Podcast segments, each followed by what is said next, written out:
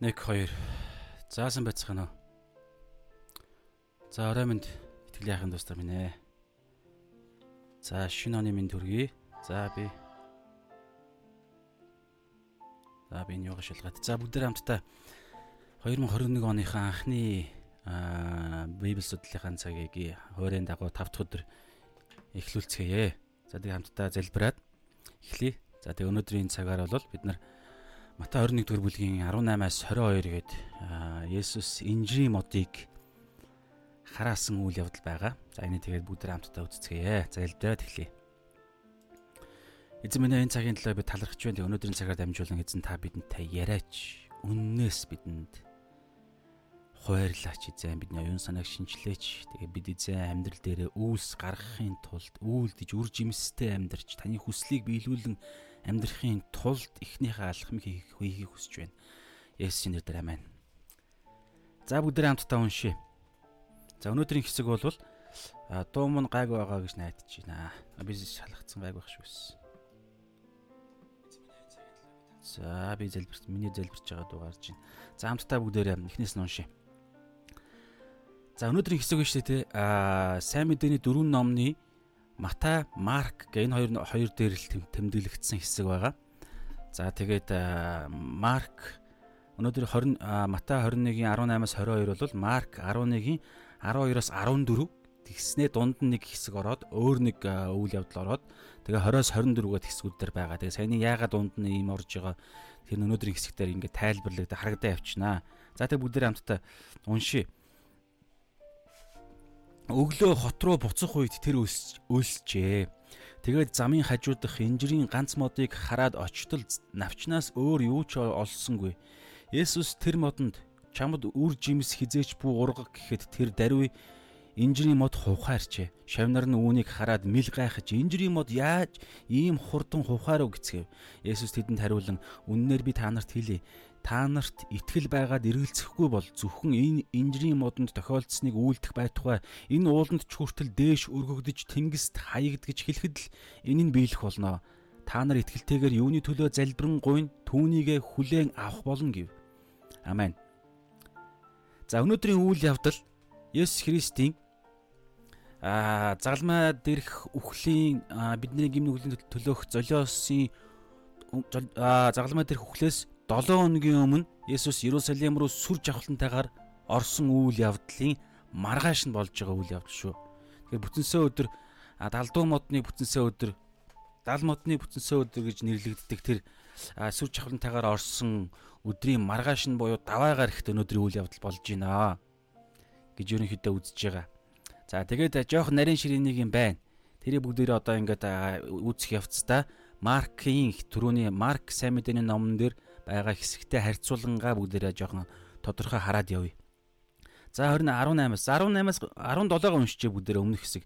Тэгээ өмнөх хэсгийг санаж байгаа бол Есүс Христ сүр жавхлантайгаар Иерусалим хотод ороод шууд сүм рүү очиж байгаа үйл явдал байгаа шүү дээ, тэ. Сүм рүү аа очиж байгаа үйл явдал байгаа. Сүмд очиод тэгээ тэнд цэвэрлэгээ хийгдэж байгаа. Тэгээд цэвэрлэгээ буюу нөгөө нэг сүмийн хамгийн гадна талд байгаа харь үндэстнүүдийн харь хүмүүсийн очдог орж болдог хамгийн одоо очих боломжтой газар нь хамгийн сүмийнх нь гадна талын хашаа байгаа байхгүй сүмийн нэг хэсэг мөн тэнд тэрүүн дахилчийн одоо хувийн эрх ашигын сонирхлын үүднээс одоо тэд нэр бурхныхаа тэр ариун газрыг худалдаа наймааны газар болгож тахилынхаа наймыг хийж исэн тахилын мал адгуусын наймыг тэнд хийдэг газар болгоцсон байгааг Есүс ороод тэгээд тэнд одоо ууралж байгаа ууралж байгаа. Уурлаад хамаг имийг нөгөө тариачдын худалдаачдын ширээг нь хөмрүүлээ тагтааг нь гаргаж яваад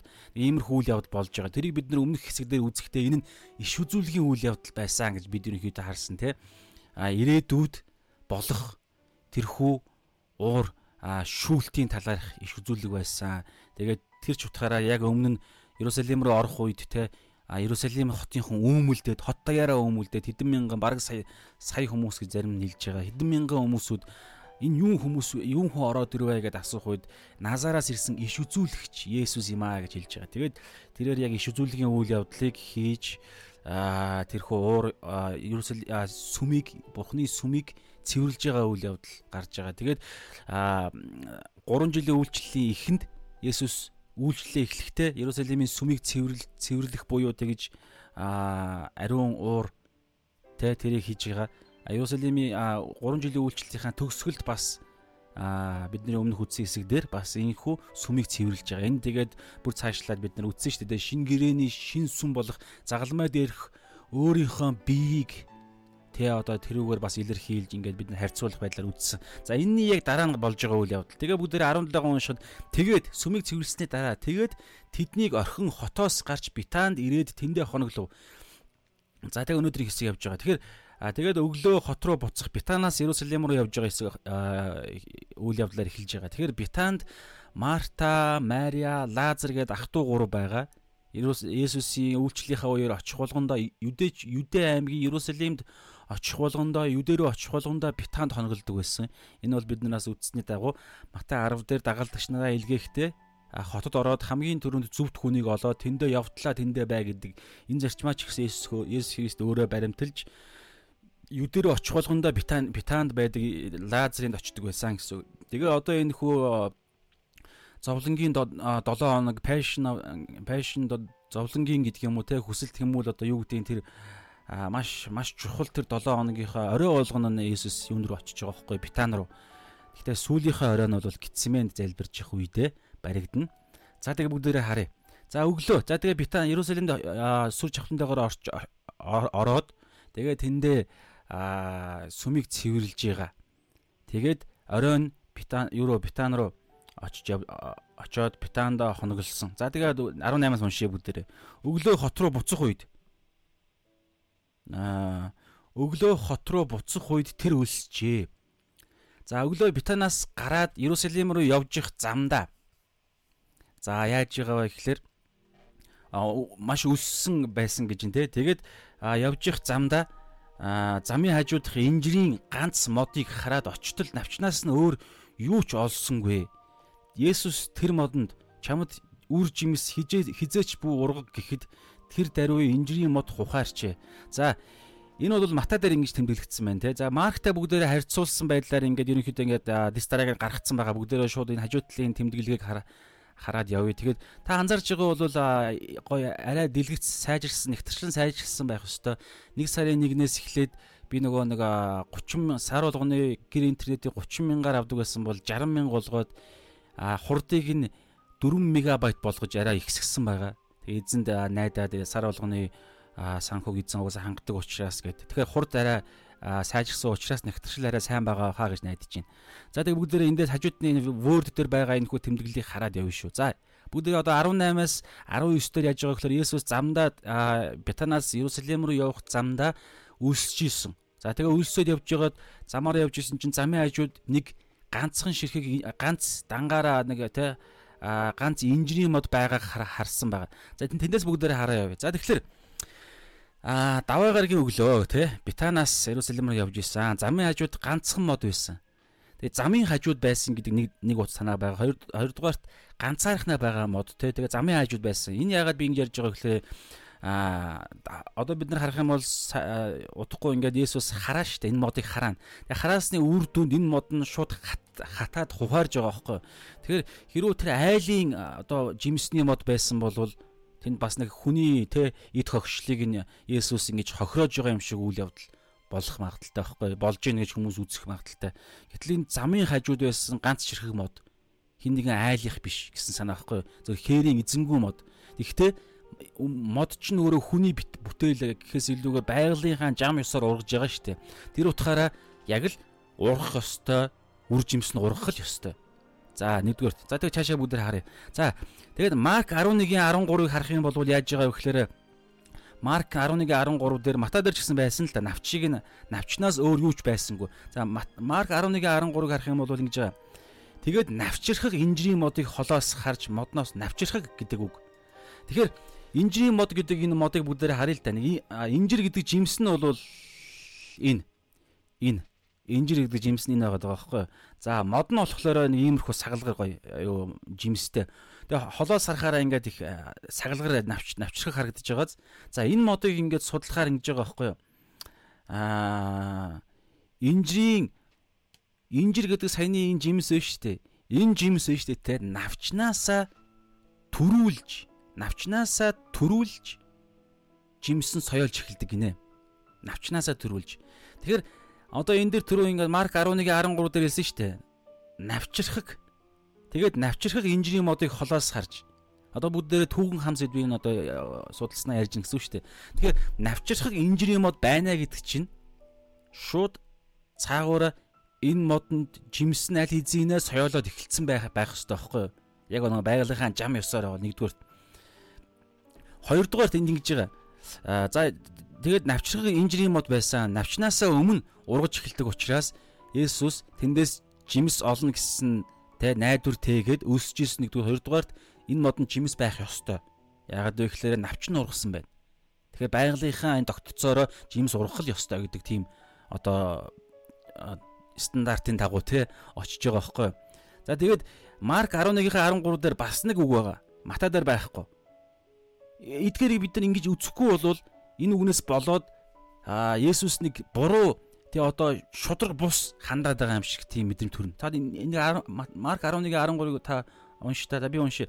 Тэгээд навчрахыг инжирийн модыг холоос харж модноос юм олдож юу магадгээд явлаа. Тэр очоод навчнаас өөр юу ч олсонгүй. Навчл олсон ерөөсөө. Тэгэнгүүтлээ учир нь одоо энэ үгийг сонсохоор хүмүүс одоо буруу ойлгох магадaltaй. Би бас хальт ингээд уншчаад гайхсан байхгүй. Тэгээд чааш нь судлаад бясалгаад бодох үед ерөнхийдөө бол ариун сүнс санаал ойлгуулсан. За учир нь инжирийн цаг болоогүй байв гэж байгааз. Тэгэхээр инжир инжирийн инжир жимс урах цаг нь болоогүй байхад Есүс тэр жимс модноос жимс хайж очичоод цагаас нь өмнө очичоод тэгээд жим цаг нь болоогүй байхад болоогүй юмыг нэхэж тэгээд байхгүй байхаар нь харааж байгаа юм шиг тэгж ойлгох магадaltaй. Гэтэл үгүй. Түрүүн хэлсэн шүү дээ навчир инжирийн мод нь өөрөө навч навч нь ургаж эхлэхээс өмнө инжир инжир гэдэг энэ саяны энэ жимс өөрөө соёолж эхэлдэг. Эхний байдлаараа ингэж жимс нь ингэж харагдаж түүхий түүхийн мөртлөө жимс нь ургадаг.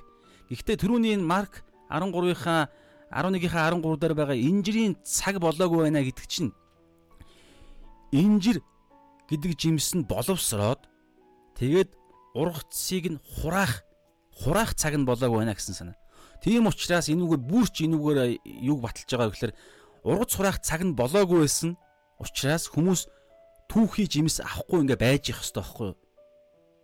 А навч нь ингээд ургацсан байна гэдэг чинь аль хэзээ тэнд түүхийн мөртлөө жимс ургацсан байх хэвээр. Тэгээ ургац сураах цаг нь хэрүү болцсон байсан болвол хүмүүс жимсийг нь аваад жимс нь түүхэд жимсийг нь түүгээд дуусцсан. Тэгээд Есүс өө яана хүмүүс түүгээд авчиж гээд бодох боломжтой шүү дээ. Гэтэл ургац сураах цаг нь болоогүйсэн учраас Есүс түүхий жимс олж идэх санаатай очиж байгаа байхгүй өсөж исэн учраас гэтэл тэнд өөр юм болж байгаа. Гэтэл тэнд яаж байгаа вэ гэхээр очиод ингээ за бүгдээрээ бичээ сургаач. Тэгээд замын хажуудаас инженерийн ганц модыг хараад очтол навчнаас өөр юу ч олсонгүй. Ямар ч жимс байгаагүй. Нөгөө соёолох ёстой соёолох ёстой жимс түүхий жимсэн ч ургаагүй байсан. За ингээд за бүгдээрээ эхлээд ерөнхий нэг үйл явдлыг нь ойлгочоо. Тэгээд цаашаага утга учрыг нь ойлгож ухаарсан юм хуваалцъя. Тэгээ олоогүй. Тэнгүүт Есүс тэр модонд а одоо харах юм бол харж байгаа. Есүс тэр мод руу модтой ярьж байгаа. Энэ бол Есүстэй нэг юм сургаал зүүрэл биш яг юм бодиттой нэг юм үйлдэл яг л түүхэн үйл явдал ингээл бодиттой амьдрал дээр болдог үйл явдал хийгээд байгаа шүү дээ. Гэхдээ энэгээр Есүс нэг маш чухал үйл явдлыг хийлээ. Одоо ерөнхийдөө бол цаанаа хэлж байгаа гэж үзэж байгаа ойлгож болж байгаа. Тэгэхээр Есүс тэр модонд хандаад ярьдаггүй, амьгүй, сүнсгүй те а одоо би энэ доор бол ингэж байгаа байхгүй юу? А би энд ингэсэн модонд те чамд энэ библиэр ингэж байгаа шүү дээ. Чамд үр жимс хизээч бүү ургаг гэхэд тэр мод тэр даруй инжи гэхэд тэр даруй инжирийн мод хувхаарчаа буюу хатчаа гэж байгаа. Аа тэгээд энэ доорн би тайлбарлахдаа Есүс модтой ярьсан. Тэгээ энэ болохоор амьгуу гэдэг би яг үгээр илэрхийлж байгаа. Тэгээ би одоо энэ хөө өнөөдрийн цаг дээр амьгуу мод гэж хэлж байгаа нь мод ч нь өөрөө амьтай шүү дээ. Бид нөгөө нэг байгалийнхаа те амьд мод амьд байгаль гэж ярьдаг шүү дээ. Тэр утгаараа би хэлээгүй шүү. Энэ ам гэдэг нь нөгөө нэг яг бурхны ам гэдэг байдлаараа нөгөө сүнс гэдэг сүнс сүнс яг бурхны дүр төрхөөр бүтээгдсэн Тэ бурхны сүнсээр мөнхөд байх тавилантай бүтээгдсэн тэр амийг ярьж байгаа шүү. Мөнхийн амьт амьтай хамааралтайгаар. Тэрнээс биш зүгээр байгалийн тэ нөгөө нэг ам амьд байгаль гэдэг шиг би амьгүй мод гэж яриаггүй шүү. Энэ зүгээр энэ ярьдаггүй тэр нэгэн энэ тэ ургамалтай Есүс яриад байгаа байхгүй. Яагаад гэдгийг нь бүгдээр одоо үзнэ. Тэгэхээр тэр мод руу харан хандан гутлаа шууд тэр модод ингэж хэлж байгаа дээ чамд дахиж хизээч тий чамд дахиж хизээч чамд үр жимс хизээч бүү ургаг ингэж хэлж байгаа. Тэгэнгүүт л яаж байгаа вэ гэхээр мата дээр бол ингэж байгаа. Тэр даруй мод хухаарчээ. Мод нь хатж байгаа. Хатаад үхсэн гэсэн үг байхгүй юу? Хатаад хухаараад үхэж байгаа гэсэн үг. Тэгэхээр Есүсийн хэлсэн энэ үг нь шүү дээ, тэ.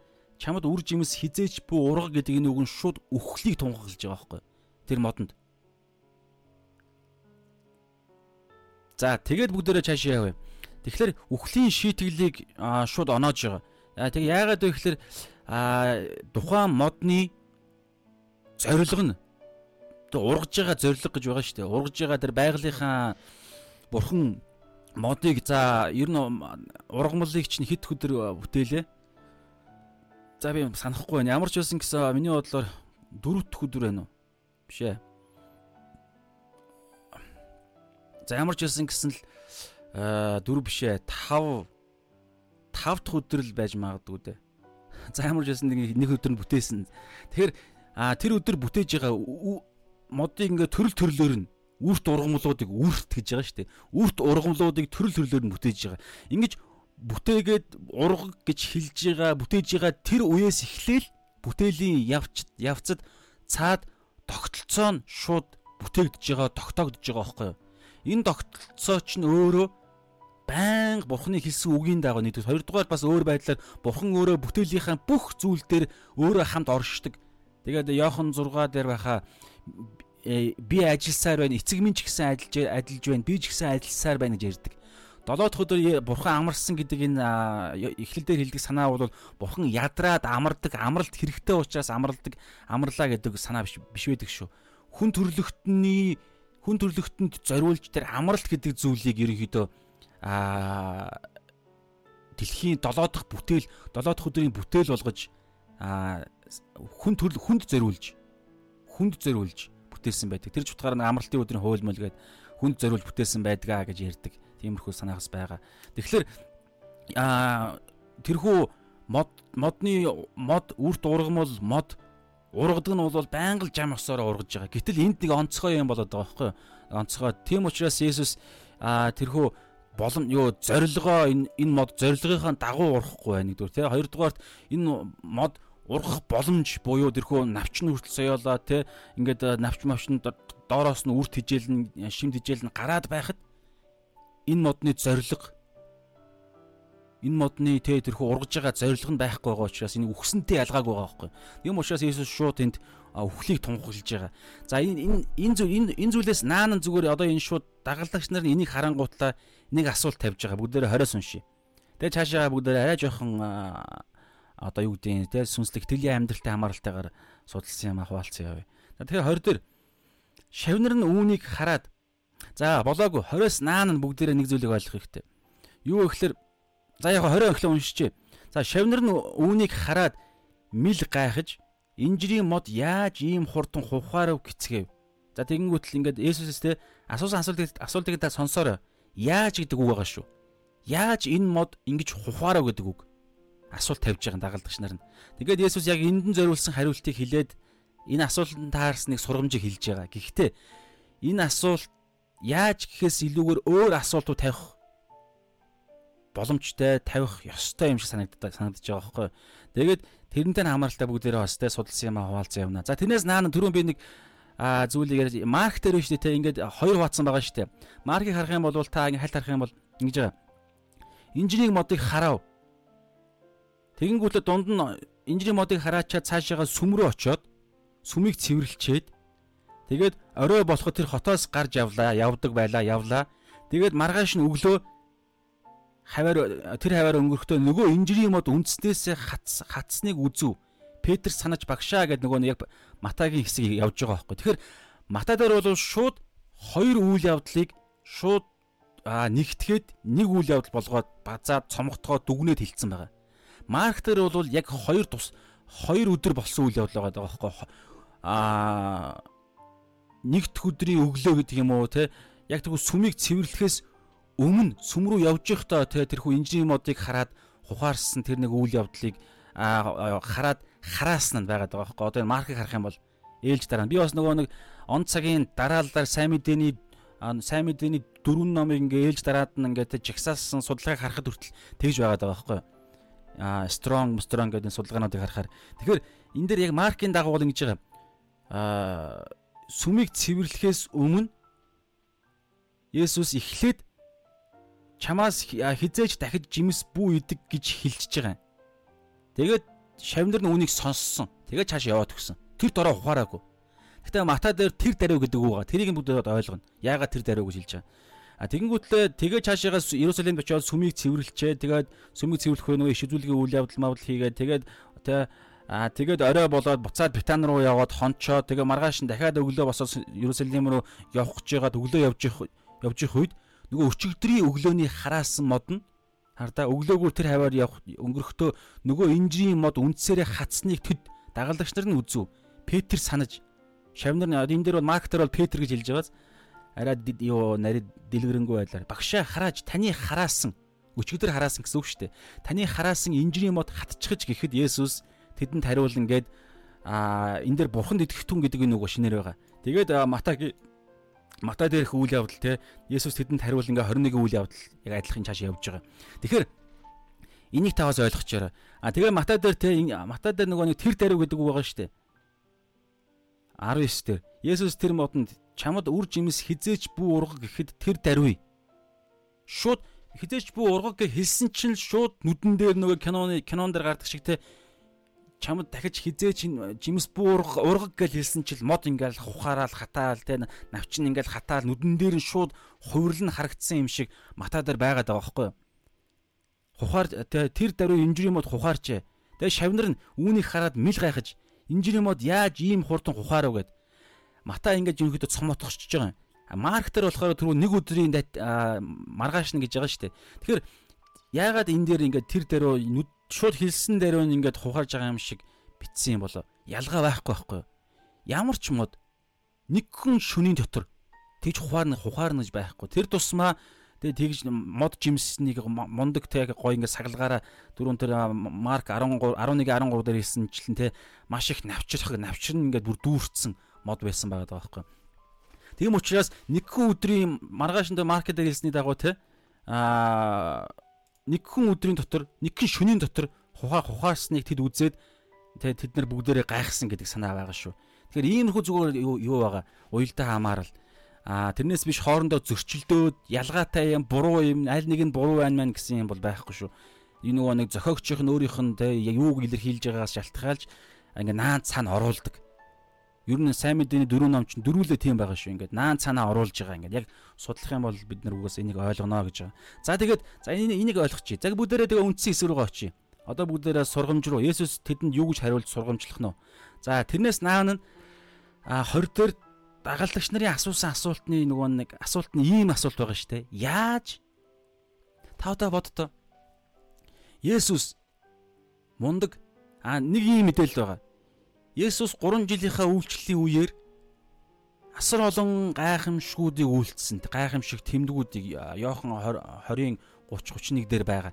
Тэр гайхамшиг тэмдгүүдийг нь бичүүл юусоо энэ ном дүүрэхгүй тэгээ бичих боломжгүй асар их гайхамшиг үйлдсэн гэж байгаа. Тэгэхээр асар их гайхамшиг үйлдэхэд бүх гайхамшгууд нь шүү дээ дандаа барьж байгуулах. Дандаа ингэж эдгэх, барьж байгуулах, босгох, тэ ингэж шинчлэх найдвар өгж байгаа нэгүсэл өгж байгаа, уучлж байгаа, тэ ингэж өршөөж байгаа. Гэтэл ганцхан энэ өнөөдрийн энэ гайхамшиг яаж байгаа гэхээр үхлийг, шүүлтийг, хараалыг тунхаглаж байгаа байхгүй. Хараалыг. Гэхдээ хүнийг хараагаагүй та анзаарж байгаа бол модтой ярьж байгаа. Гэхдээ амьгүй мод юу сүнстэй те мөнхөд тамд очихгүй шүү дээ энэ мод чинь. Сүнсгүй учраас те А зүгээр л одоо энэ Иесус чи өөрөө мужаан байсан. Тэгээд адилхан тэгэл мод зод аваад тэгэл тэ ингээд мод зодыг ингээд аваад юу тайраал тэрүүгээр мод сандал хийгээл эн чинь зүгээр л байгалийн үзэгдэл шүү дээ. Тэгэхээр энэ бол тэ юу гэдгийг хараал гэдэг нь там руу харааж байгаа юм шиг юм биш. Гэхдээ нэг зүйл байгаа уялдаа. Есүс тэр модтой ярьж байгаа байхгүй юу? Чамд гэд. Есүс тэр модонд хандаад тэр модыг яг л хүнтэй ярьж байгаа юм шиг. Чамд үр жимс дахиж хизээч буургаг Энүүгээр яаж байгаа гэхээр Есүсийн тухайн энэ зүйлд хийж байгаа санаа нь бол тэр модыг хүнээр төлөв а хүнийг тодорхой нэг юм төрөл төлөв байдалд байгаа хүнийг яг энэ төлөв байдалд таарж байгаа энэ харьцуулах зэрэгцүүлэх байдлаар таарсан учраас тэр модыг тодорхой нэг хүн нэг зүйлтэй төлөөлүүлж харааж байгаа байхгүй. Тэр модыг за тэгээд за тэрний яг бүгдээ тэрийг үүсгэх юм. Тэрнээс наана энэ нэг үйл явдал ингээ болоход дагалдагч нар нь яасан бэ гэхээр тэ Есүсээ та 3 жил байхад хизээч та ийм амар амнаас чинь ийм тэ хараалын үгс гарч байгаагүй. Тэгээ ийм одоо юу гэдэг ийм сайхан модыг та ингээ яагаад ийм муухай яагаад гэдэг асуултаар та яагаад та энэ сайхан модыг ийм болгох ч юу гэдэг яагаад гэдэг асуулт тавиагүй байгаа байхгүй зүгээр яаж тийм учраас Есүс өнөөдрийн бидний хэсэг дээр аа Есүс тэдний яаж гэсэн асуултанд нь тааруулж сургаад нэг сургамж айлдана. Гэхдээ тэрнээс наан нь хэрв тэд нар яагаад та ингэвэ гэдэг асуулт тавьсан бол Есүс сургамж бас нэг өөр сургамж хэлэх байсан. Гэхдээ бид нар бие судалж байгаа учраас яагаад гэдэг асуултыг тавиад одоо бүгдээрээ нэг зүйлийг ойлгоно, хам сэдвийг харж байгаа. Яг энэ 21 дугаар бүлэг дээр хам сэдв өмнө нь хойно нь хуулийн дээр нь байгаа. Тэгээд ерөнхийдөө ингээл сайн мэдээний ном тэр чигээрээ байгаа угаас хам сэдв. Тэгм учраас эхлээд бүгдээрээ яг дагалдагч нарын асуусан асуултыг энэ бүгдээрээ тавиад одоо тавиад тэгээд Есүсээс яг л энэ яаж та яаж энэ мод энэ юр бусын гайхамшиг нь мод ингээ хухаарч ба гэдэг эхний тэр хамгийн өнгөц байдлаар бүгдээ нэг юмыг ойлгоё. Тэр нь бол ерөөсөө залбирал гэдэг үгтэй хамаартай хамааралтай юм байна. Тэгэхээр залбиралтай хамааралтай нэг зүйлийг ойлгоод тэгээд цаашаага нэг өөр юм оръё. За эхлээд тэгэхээр шамнарнтай үүнийг хараад мэл гайхсан байгаа. Мэл гайхаад те энэ инженерийн мод яаж ийм хурдан ухаарав. Яагаад та ингэ хараачих вэ гээгүй. Энэ ямар учиртай та үйл явдал хийв? Цаана утга учир нь юу вэ гээгүй. Зүгээр яаж энэ мод ухаарав? Тэгэнгүүт Есүс хариудна. Үннээр би та нарт хэлье. Та нарт итгэл байгаад эргэлзэхгүй бол итгэл байгаад итгэл байгаад эргэлзэхгүй бол зөвхөн энэ инжирийн модонд тохиолдсныг үйлдэх байтугай энэ ууланд ч хүртэл дээш өргөгдөж тэнгист хаягдгиж хэлэхэд л энэ нь биелэх болно. Өөрөөр хэлбэл 21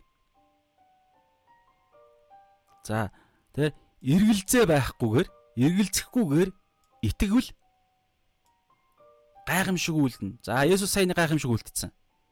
Инжирийн модыг шууд үгээрээ нэг гин шөнийн дотор ухааруулад хатаад өхүүлчихэж байгаа байхгүй юу? Үгээрээ нэг гин шөнийн дотор бүр ингээд бүр соёо юу ургаад бүр ингээд навч нь бүр навчрах болоод навч нь бүр бүтэн дүүрэн навч ургацсан байсан тэр модыг.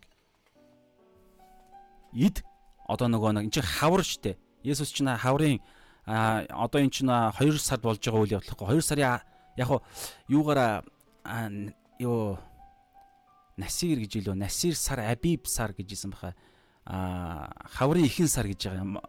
Яг еврей тоолдор бол хаврын ихэнх сарын 14-нд чинь дээгүр өнгөрөх баяр болж байгаа байхгүй. Есүс 14-нд одоо загалмай дээр цовлогдно гэсэн санаа байгаа. За 7-нд нь ерөнхийдөө бол а Иерусалим сүр жавхлантайгаар орсон. Тэгэхээр одоо Набиб сарын шээ Насир сарын юм уу эсвэл Насир Абиб гэд хоёр байдлаар хэлж байгаа. Тэгэхээр Насир сарын а 7 8-нд болж байгаа өнөөдрийн үйл явдал байхгүй. Тэгэхээр одоо бидний ойлголтоор бол нэг 2 сар юм уу 3 сарын тэр хавцаа болж байгаа үйл явдал. Тэгэхээр эд хаврын тий Аа тэгээ эн чинь Израилийн газар нутг штэ тий Монголоор зарим ондоо. Тэгэхээр эд нөгөө нэг хавар тэгээ одоо нөгөө нэг үр жимс боловс юу боловсрдог ургадаг эд сар дээр байгаа хөөхгүй намар мамар болж байгаа юм биш. Хатах матах тэр үйл явдал чинь намар л болно штэ. Тэгтэл чин хавар эд тэр сард тэр өдөр ургамал ургадаг тэгээ навч мавч нь ингээд дүүрэн ургацсан байгаа энийг ганцхан үгээрээ нэг хэн шөнийн дотор юуж байгаа. Тэгээ энэ гайхамшиг. Тэгэхээр энэ гайхамшиг а гайхамшигаас илүүг та нар үлдний харна гэж байгаа байхгүй 21-ийг тахаа унши. Үннээр би та нарт хэлье. Та нарт итгэл нэмэх нь итгэл нэмэх нь эргэлзэхгүй байдал байвал итгэл байгаад эргэлзэхгүй бол Тэ одоо энэ саяны миний үйлдсэн энэ юр бусын гайхамшиг буюу энэ инжи модонд тохиолдсныг үлдэх байтугай энэ ууланд ч хүртэл дээш өргөгдөж уулыг ярьж ин тэ дээш өргөгдөөд дээш өргөгдөж тэнгист хаягдгаж хэлэхэд хэлэхэд нь биелэх бол биелэх болно гэж. Гэхдээ энэ дээр нэг юм байгаа. Энэ ууланд өргөгд уулыг нүгэлгэх гэдэг энэ нэг хиллэг Израильчуудад байсан байгаа даа байхгүй юу? юр бусын боломжгүй одоо нөхцөл байдлыг үйлдэх боломжгүй зүйлийг хийх гэсэн нэг тийм одоо нөхцөл амьдралын нөхцөл байдал дээр энэ хиллийг хэрэгэлдэг байсан байгаа байхгүй юу. Тэрнээс биш яг бодиттой шууд уулыг ингээд те та нар одоо би сая ингээд бодиттой ингэсэн шиг та нар шууд итгэл байгаад эргэлцэхгүй байх юм бол шууд тэр одоо манай монголчууд жишээ нь те богд уулыг өргөгдөөд хөвсгөл далаад хаягдахад агаар дээр ингээл нисээл нисээл нэг иймэрхүү юм яриад байгаа юм биш. Энэ нь шууд хилэлц хилэлц тухайн үед байсан нэг юм хиллэг байгаа. Энэ хиллэгээр юр бусын амьд боломжгүй гайхамшгуудыг үйлдэн. Тэгээд тэд нар бүгд яг тиймэрхүү гайхамшгуудыг үйлдэлсэн. Гайхамшгуудыг үйлдэж амьдрна угаасаа. Гэхдээ үүс ном дээр гарч байгаа. Тэгээд хүндрэлтийн түүхэнд бол итгэлийн амьдрал дээр ийм олон юм болж байгаа шүү дээ. Амь хүний ойлголтоор боломжгүй зүйлсүүд үйлдэгдэж байгаа үйл явдал. Тэгэхээр энэ зүйлийг эзэн хэлж байгаа байхгүй эргэлзэл эргэлздэггүй итгэл гэдэг энэ зүйл. Тэгээ энийг заахынд энийг итгэлийг энэ итгэлийн сургамжийг хийхэд хэлхийн тулд харуулахын тулд тэднэрт нүдэн дээр нэг юм нэг хэн шөнийн дотор ер бусын гайхамшиг үлдээд тэгээд яаж юм юм болвоо гэж хэлэх үед нь те та нарт итгэл байвал саяны энэ ер бусын болсон шиг амьдрал дээр чинь ямар ч боломжгүй уул аваад те далаад хаягдах те тэнгис хаягдах ямар ч боломжгүй шүү дээ Ямар ч боломжгүй байгалийн тогтц байгалийн жам усны хууль ийм хүндийн хүч хүндийн хүч мүч тийм ерөөсө хууль байхгүй шүү дээ. Тэгэхээр тийм хүнд ямар ч боломжгүй энэ дэлхий дээр ямар ч боломжгүй зүйлийг хэрэг бурханд түрүүн марк дээр байсан шүү дээ. Есүс хэлэхдээ а Петр ингэсэн шүү дээ. Петр санаж багшаа харааж таны хараас нь инжирийн мод хатчихж ихэд Есүс тэдэнд хариулахдаа хамгийн эхлээд бурханд итгэх түнгээ хэлж байгаа байхгүй юу? Тэгээ үнээр тэгээ саяны өнөөдөр матада хэлж байгаа үг тавтагдана. Тэгэхээр бурханд яг бүр юр бусын те таталцлын хуулийг те энэ байгалийн хуулийг жам ёсны хуулийг зүгээр 6 өдрийн дотор үгээрээ бүтээсэн. Тэгээ тэрийг үгийнхаа дагуу байрж тогтоон байрж авч явж байгаа тэр бурхан итгэвэл тэгээд одоо энд нэг зүйлийг хэлнэ. Та нар итгэлтэйгээр юуны ч төлөө юуны ч төлөө залбирэн гуйвал түүнийгээ хүлээн авах болно гэж байгаа байхгүй. Тэгэхээр энэ дээр бүгдээр бас нэг юм ойлгоно. Тэгэхээр бурхандаа итгээд тэгэхэд бурхантай тэр тэр бурхандаа итгэх итгэл дотроо итгэлээс нь итгэлээс нь гарсан нэг тийм залбирал гуйлт гуйлтын дагуу юу ч гуйсан гэдэг санаа байгаа шүү. Тэрийг бүгдээр нэг ишлэлээр харъя. Тэгэхээр ингэх үед ерөөсөө боломж энэ дэлхий дээр боломжгүй хүний ойлголтоор болон боломжгүй зүйлс болно гэж байгаа.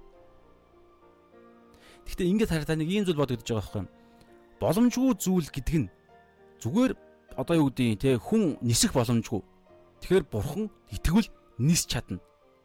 Хүн нүдээ одоо нөгөө нэг кинонд гардаг шиг те нүдээ анаал бурхнаас те нэг тэр бүм төгрөг гуйхад хүнд ямар ч боломжгүй. Энэ амьдрал ямар ч боломжгүй. Гэтэл бурхнаас гуйхад бурхан шууд боломжтой болгож өгнө. Иймэрхүү санаа яриаг. Юу ихлээр одоо энэ хүний дэлхий ертөнц чинь гим нүглээс болоод нэг юм аа сүрэл шудраг босын ноёрхол Тэгээ нэг юм үхэл одоо бузармуугийн Эфес 6-гийн 12 дээр бол те харанхуй ертөнцийнх ёр юм уу сүнслэг хүч захирагчд ирэх мэдл гэж байгаа тэр сүнслэг хүч чинь өөрөө энд нэг юм хүн төрлөختний тэр нэг юм одоо бид бүгдийн одоо хүн төрлөختний гемтэй хязгаарлагдмал одоо юу гэдгийг тэр нэг юм байдлаа ашиглаад ингээд нэг юм амар юм хязгаарлалцсан, бомжлцсан, боолчлцсан байгаад байгаа байхгүй юу? Ян зүрийн нөхцөл байдлаар ингээд тархийг нь уваад, нүдийг нь сохлоод тэгээ одоо 1-р 2-р Коринт 4-4 дээр бол нүдийг нь сохолж байгаа гэж байгаа байхгүй? Энэ 90 үеийн бурхан үл итгэгчдийн бодол санааг сохолж байгаа. Бүр бодол санааг нь хүртэл хараатаа мөртлөө харж чадахгүй. Тэгээ ерөөсөө зүгээр л нэг юм мал адгуус шиг л нөгөө нэг хүч юлээ хүчтэй нь хүчгүүгээ даралж иддэг тийм тогтолцоог улам илүү бий болгоод тэгээд иймэрхүү ийм тогтолцоон дотор боломжгүй гэдэг энэ зүйлийг бий болгоод байгаа. Одоо юу гэдэг би нэг жоохон ойлгоход тайлбарлахад хэцүү байгаа ч гэсэн мэдрэмж мэдэрж байгаа зүйлээ хуваалцах гэдэг юм л да. Тэгэхээр тиймэрхүү зүйлийг та ойлгочихвол ямар ч байсан. Юр байгалийн те одоо юу гэдэг жам ёс жам ёсноос давсан боломжгүй гэхээс илүүгээр байгалийн жам ёсмоос тэр дотроо мөртлөө энэ хүн төрлөختний нийгэм дотор ян зүрийн одоо нөгөө нэг бид одоо гим нүгэлтэй уушаас тэрнээс гарч байгаа гим нүглийг ашиглаж та энэ дэлхийн ертөнцийн ингээд янз бүрийн байдлаар ингээд нэг юм аа юу дээрэс нь боолчлоод дарлаад ингээд нэг юм тэгээ одоо нөгөө нэг юм ингээд боолчлцсан л гэдэг үг л дээр ихэд бол тэр үед боломжгүй байхгүй эндээс гарах нь. Яагаад вэ гэхээр нүглийн хөлс бол үхэл гэж байгаа зүгээр. Тэгэхээр бид угаасаа өөрсдийнхөө энэ одоо тэрсэлсэн бид гэдэг би хүн төлөвтнийг хандж хэлж байгаа бүгд нь ерөнхийдэн байдлаар тэгэхээр бид өөрсдөө угаасаа те бурхныгаа эсрэг бурхныхаа хүсдэг зүйлийг бурхнаа ч гэсэн үгүйсгээ таньж мэдэхгүй тэгээ өөрсдийнхөө хувийнхаа эрх ашигын дагуу те хуваа хичээсэн өөрийгөө хичээсэн энэ байдлаасаа болоод өөрсдөө нэг амар нэг юм зүйлийг бий болгоод байгаа байхгүй. Тэгэхээр энэ зүйлээс зайлшгүй үр дүнгээ өгж ижил одоо юу гэдэг хариуцлага үүрж ижил гарна. Гэтэл эндээс шууд одоо тэ аврагдах шууд одоо тэр боолчлоос шууд чөлөөлөгдөх боломжгүй байхгүй. Тэгэх ёсгүй байхгүй. Заавал үр дүнгээ хүртэх ёстой. Гэтэл Есүсийн дотор тэр боломжгүй зүйлсүүд загалмай дээр бүр төгс хийгдээд тэндээс шалтгаалж загалмайтай нь итгэх үед нөгөө нэг сүнсээр явах үед эрх чөлөөний хууль, сүнсний хууль, амийн хууль гэдэг зүйл чинь ингээд амьдрал дээр юр бусын боломжгүй зүйлсүүдийг боломжтой болгоно гэсэн санаа. За та ойлгосон хэсгийг би мэдэхгүй байна. Нилээ аа жоохон юу ярих шиг боллоо. За ямар ч үсэн ингээд тийшээгээ одоо хит тийшээгээ те одоо яг тодорхой биш юмруу яриад яах вэ? Аа яг ишлэлээрээ дахиад очие бүгдээрээ. Тэгэхээр Мата 21 дээрээ те. За тэгэнгүүтлээ аа яагаад яаж ингэж хухараа хухаараа гэж хэлэх үед Есүс тэдэнд хариулахдаа 21 дээрээ нэг хэлсэн юм нь юу гэхээр та нар итгэл байгаад эргэлзэхгүй болвол итгэл хэдэн төрөө хэлсэн шүү дээ. Марк дээр байсан. Бурханд итгэх итгэл шүү. Тэрнээс биш бэрдэнд итгэх итгэл биш. Зүгээр нэг кино мононоос гардаг юр бусын гайхамшиг гэдэг юм биш. Ид шидний итгэл биш. Яг тодорхой үнэн, үнний стандарттай, тодорхой тэ зөвхт байдлын стандарттай тэр нь Библиэлд байгаа байхгүй. Яг тодорхой нэг юм бүх юм тодорхой байгаа Бурхны хувьд. Тэр тодорхой тэр Бурхнаа таньж мэдээд тэр таньж мэдсэн Бурхныхаа дагуу тэр стандартын дагуу итгэж амьдрч гуух үед үйлдэх үед алхах үед. Тэгээ тэрэндээ эргэлзэхгүй байх үед. Ягаад эргэлз эргэлзээ эргэлзээ ярьж байгаа вэ гэхээр эргэлзээ гэдэг чинь хоёр юм зэрэг орж ирэх үе эргэлздэг штэ тэгэхээр бурханд итгэх үед яалтчгүй нэг хажууд нь өөр нэг итгэлийн юм зэрэг орж ирдэг байхгүй бурхан бурханд итгэх үед библийн бурханд итгэх үед тэр бурхан чи өөрөө энэ дэлхийн хаанчлаас тис эсэргээр хаанчлал. Шал ондоо юм ярьдаг эсэргээр ядуу сүнс яг сүнсэндээ ядуу өрөөлтэй. Тэрнээс гадна те а та нар нэг хацраж хаалгадвал нөгөө хацраа тавьж өг. Тэгээ та нар буруутгагд жаага болдоггүй гэж те загалмайгаа өрөө те өөрийгөө үгүйсэх талаар ярьдаг. Өөртөө итг өөрийн оюун ухаандаа бүү дүршгэл гэж ярьдаг. Өөртөө итгэх тал дээр. Өөрийгөө үгүйсгэх юм ярьдаг. Тэгээд эд баялаг тэнгэр газар дээр биш тэнгэрт хураах гэдэг юм ярьдаг тэгээ мөнгөний хойноос явах биш зөвхөн бурхны хаанч бурхны хүслийг төлөөл бусад зүйлсээ золиослох юм ярьдаг. Есүс өөрөө өөрөө байнга давтж байгаа. Тэгэхээр бурхандаа итгэх итгэхэд хажууд нь дандаа нэг юм зэрэгцээ нэг юм итгэх юм гараад ирнэ. Итгэлийг итгэлийг татах юм. Тэрний юу вэ гэхээр зүгээр л өглөө босвол амьдрахад хаа сайгүй алхам тутамд гардаг зүйлс өөр нэг юм шаардна. Өөр нэг юм бид нарыг уруу татна. Тийм учраас эргэлзэхгүй буюу тэр болгонд тэмцэж тэр болгонд те баруун тийш зүүн тийш хазаахгүйгээр үгийн дагуу явж те таны үг бол миний хөлдөх тэмлэг дуул дээр хэлж байгаа ажилтан бурхны үгээр явж сүнсээрээ буюу 1-р Петр 5:8 дээр сүнсээрээ соргог явж иж эргэлзэхгүй гэдэг нь тийм ярьж байгаа байхгүй. Тэгээ ингэж бурхандаа итгэх юм ярьж байгаа. Тэгээ ингээ энэ итгэл тэгээ эргэлзээ байхгүй болвол яг саяны Есүсийн үйлчлэлээс илүү гүйлт, илүү гайхамшгуудыг үзнэ гэж байгаа. Тэгээ энэ дагалдагч нар угаасаа үзсэн. Ягаад вэ гэхээр Есүс чинь хичнээн А тэр англи дээр бол quantity quality гэдэг үг байгаа байхгүй юу? Quantity гэдэг нь болохоор юу гэхээр тоо хэмжээний хувьд илүү гэж яриаггүй ярьдаггүй шүү. Чанарын авш а чанарын хувьд илүү гэж ярьдаггүй. Quality quantity буюу тэргүй хэмжээний хувьд илүү гэдэг байгаа байхгүй юу? Ягаад тэр Есүс ч өөрөө нэг хүн байсан шүү дээ. Харин дагалдагч нар нь Пентекостийн өдөр 120 хүн дээр ариун сүнс бууж байгаа. Тэг нэг ариун ариун сүнс чинь өөрөө Есүсийн сүнс шүү дээ. Есүс ариун сүнс дотор эцэг хүү ариун сүнс гуруула гурвал бидний дотор Пентекостийн өдөр тэр 120 хүний дотор орсон гэж байгаа байхгүй. Гурвал гурвал хамт байгаа. Энэ ишлэл хаана байгаа гэхээр Йохан 14 23 дээр байгаа. Түүнийг хайрл тэ танаа намайг хайрладаг бол тушаалуудыг минь сах гэж байгаа. Тэ тушаалуудыг сахдаг хүнийг ч гэсэн эцэг хайрлнаа. Тэгээд түүн дээр очиж бид олон тон дээр бид түүн дээр очиж түүнтэй хамт амьдрна гэж. Тэгээд нөгөө нэг тэгээд энэ бүлэгч өөр ариун сүнс туслагч ирж байгаа бүлэг багхгүй юу? Ариун сүнсний талаар тайлбарлаж байгаа бүлэг донд хам сэдвүүд донд ингэж ярьж байгаа. Тийм учраас хэмжээний хувьд Есүсийг хэдэн мянга түмээрэнд ингэж үржүүлэх хэмжээний олон жижигхэн жижигхэн гэдэг юм уу Есүсүүд бий болсон бохоггүй. Би нэг Есүс, та нэг Есүс тийм байх тавилантай а чадчихээг үү юу ямар төвшөндөө явж гин хэр хэмжээнд явж гин гэдэг бол өөр асуудал биднээс шалтгаална. Тэгээ энэ ямар байх энэ нэг юу гэдэг баг байлаа гэдэг аврал маавал юу ч ярихдаггүй шүү. Аврал бол ерөөсөө аль хэдийнэ бидний хувьд төгс өгөгдсөн. Тэгээд төгс өгөгдсөн энэ хүү аврал дахин төрсөн хүн чинь өөрөө Есүстэй адилхан болохын төлөө бүр хүссэн тэмүүлдэг болцсон байгаа даахгүй. Тийм учраас ямар ч байсан гэсэн аа тэ хэр итгэвтэй хэр их үр дүн ямар байгаа гэдэг нь нэг чухал биш. Ямар ч байсан үр дүн гараал явж байгаа. Үнэхээр яг дахин төрсөн хүн бол алхам малхмаар Есүстэй адилхан болсоор л байгаа. Тэрийг мэдэрч бид нар өөрсдийгөө урамшуулж явах хэрэгтэй гэсэн санаа бас байна. За тэгэхээр энийг 21 дээр энийг хилэнгүүтлээ. 20 дээр нь одоо нэг зарчмыг хэлж байгаа. 21 дээр 22 дээр нь тэ илүү үүсэх болно гэчихэд 20 22 дээр нь тэгэнгүүтлээ та нар итгэлтэйгээр энэ энийг үүсгэхэд ямар байдал одоо энэ 21 дээр ингэсэн шүү дээ. Есүс тэдэнд хариулан үннээр өмнө би танаар хэлье. Итгэл байгаад эргэлзэхгүй бол зөвхөн энэ инжирийн модон тохиолдсныг үйлдэх байтугай. Энэ уулнч дээш өргөгдөж тэнгис хаягт гэж хэлэхэд энийг биелэх болно. Ингиж энэ юр бусын гайхамшиг үйлдэх арга зам нь залбирлаар байхгүй. 22 дээр 22 унши. Та нар итгэлтэйгээр юуны төлөө залбирэн гойно түүнийг хүлээн авах болно гэж байгаа. За бүгдээр энэ дээр нэг залбирал дээр нэг хэдийн харъя. За бурханд тэ нэгдүгээрт ингэж байгаа. Марк 11-ийн 22 дээр 22 дээр түрүү хэлсэн шүү дээ. Бурханд итгэх түн гэж хэлээд тэгээд а Матагийн энэ хөө Есүсийн Матай 21-21-ийн зүйл ингээ хэлж байгаа. Тэгэхээр бурханд итгэх түн гэдэг энэ зүйл чинь бурханд итгэх итгэл төрөө хэлсэн шүү дээ. Тэгэхээр бүгдээ энэ нэг зүйлийг хараадах юм. А Яаков 2-ын за бишээ. А энэ итгэл Ром 10-ын 9-дэр Ром 6-гийн 5 дээр ингэж байгаа байхгүй юу? Ром 19-ийг бүгдээр нь хараадах юм. Аа Ром 19 дээр Хэрв та Есүсийг эзэн гэж амаараа хүлээн зөвшөөрч түүнийг үхөхстээс амьлуулсан. Энэ үг.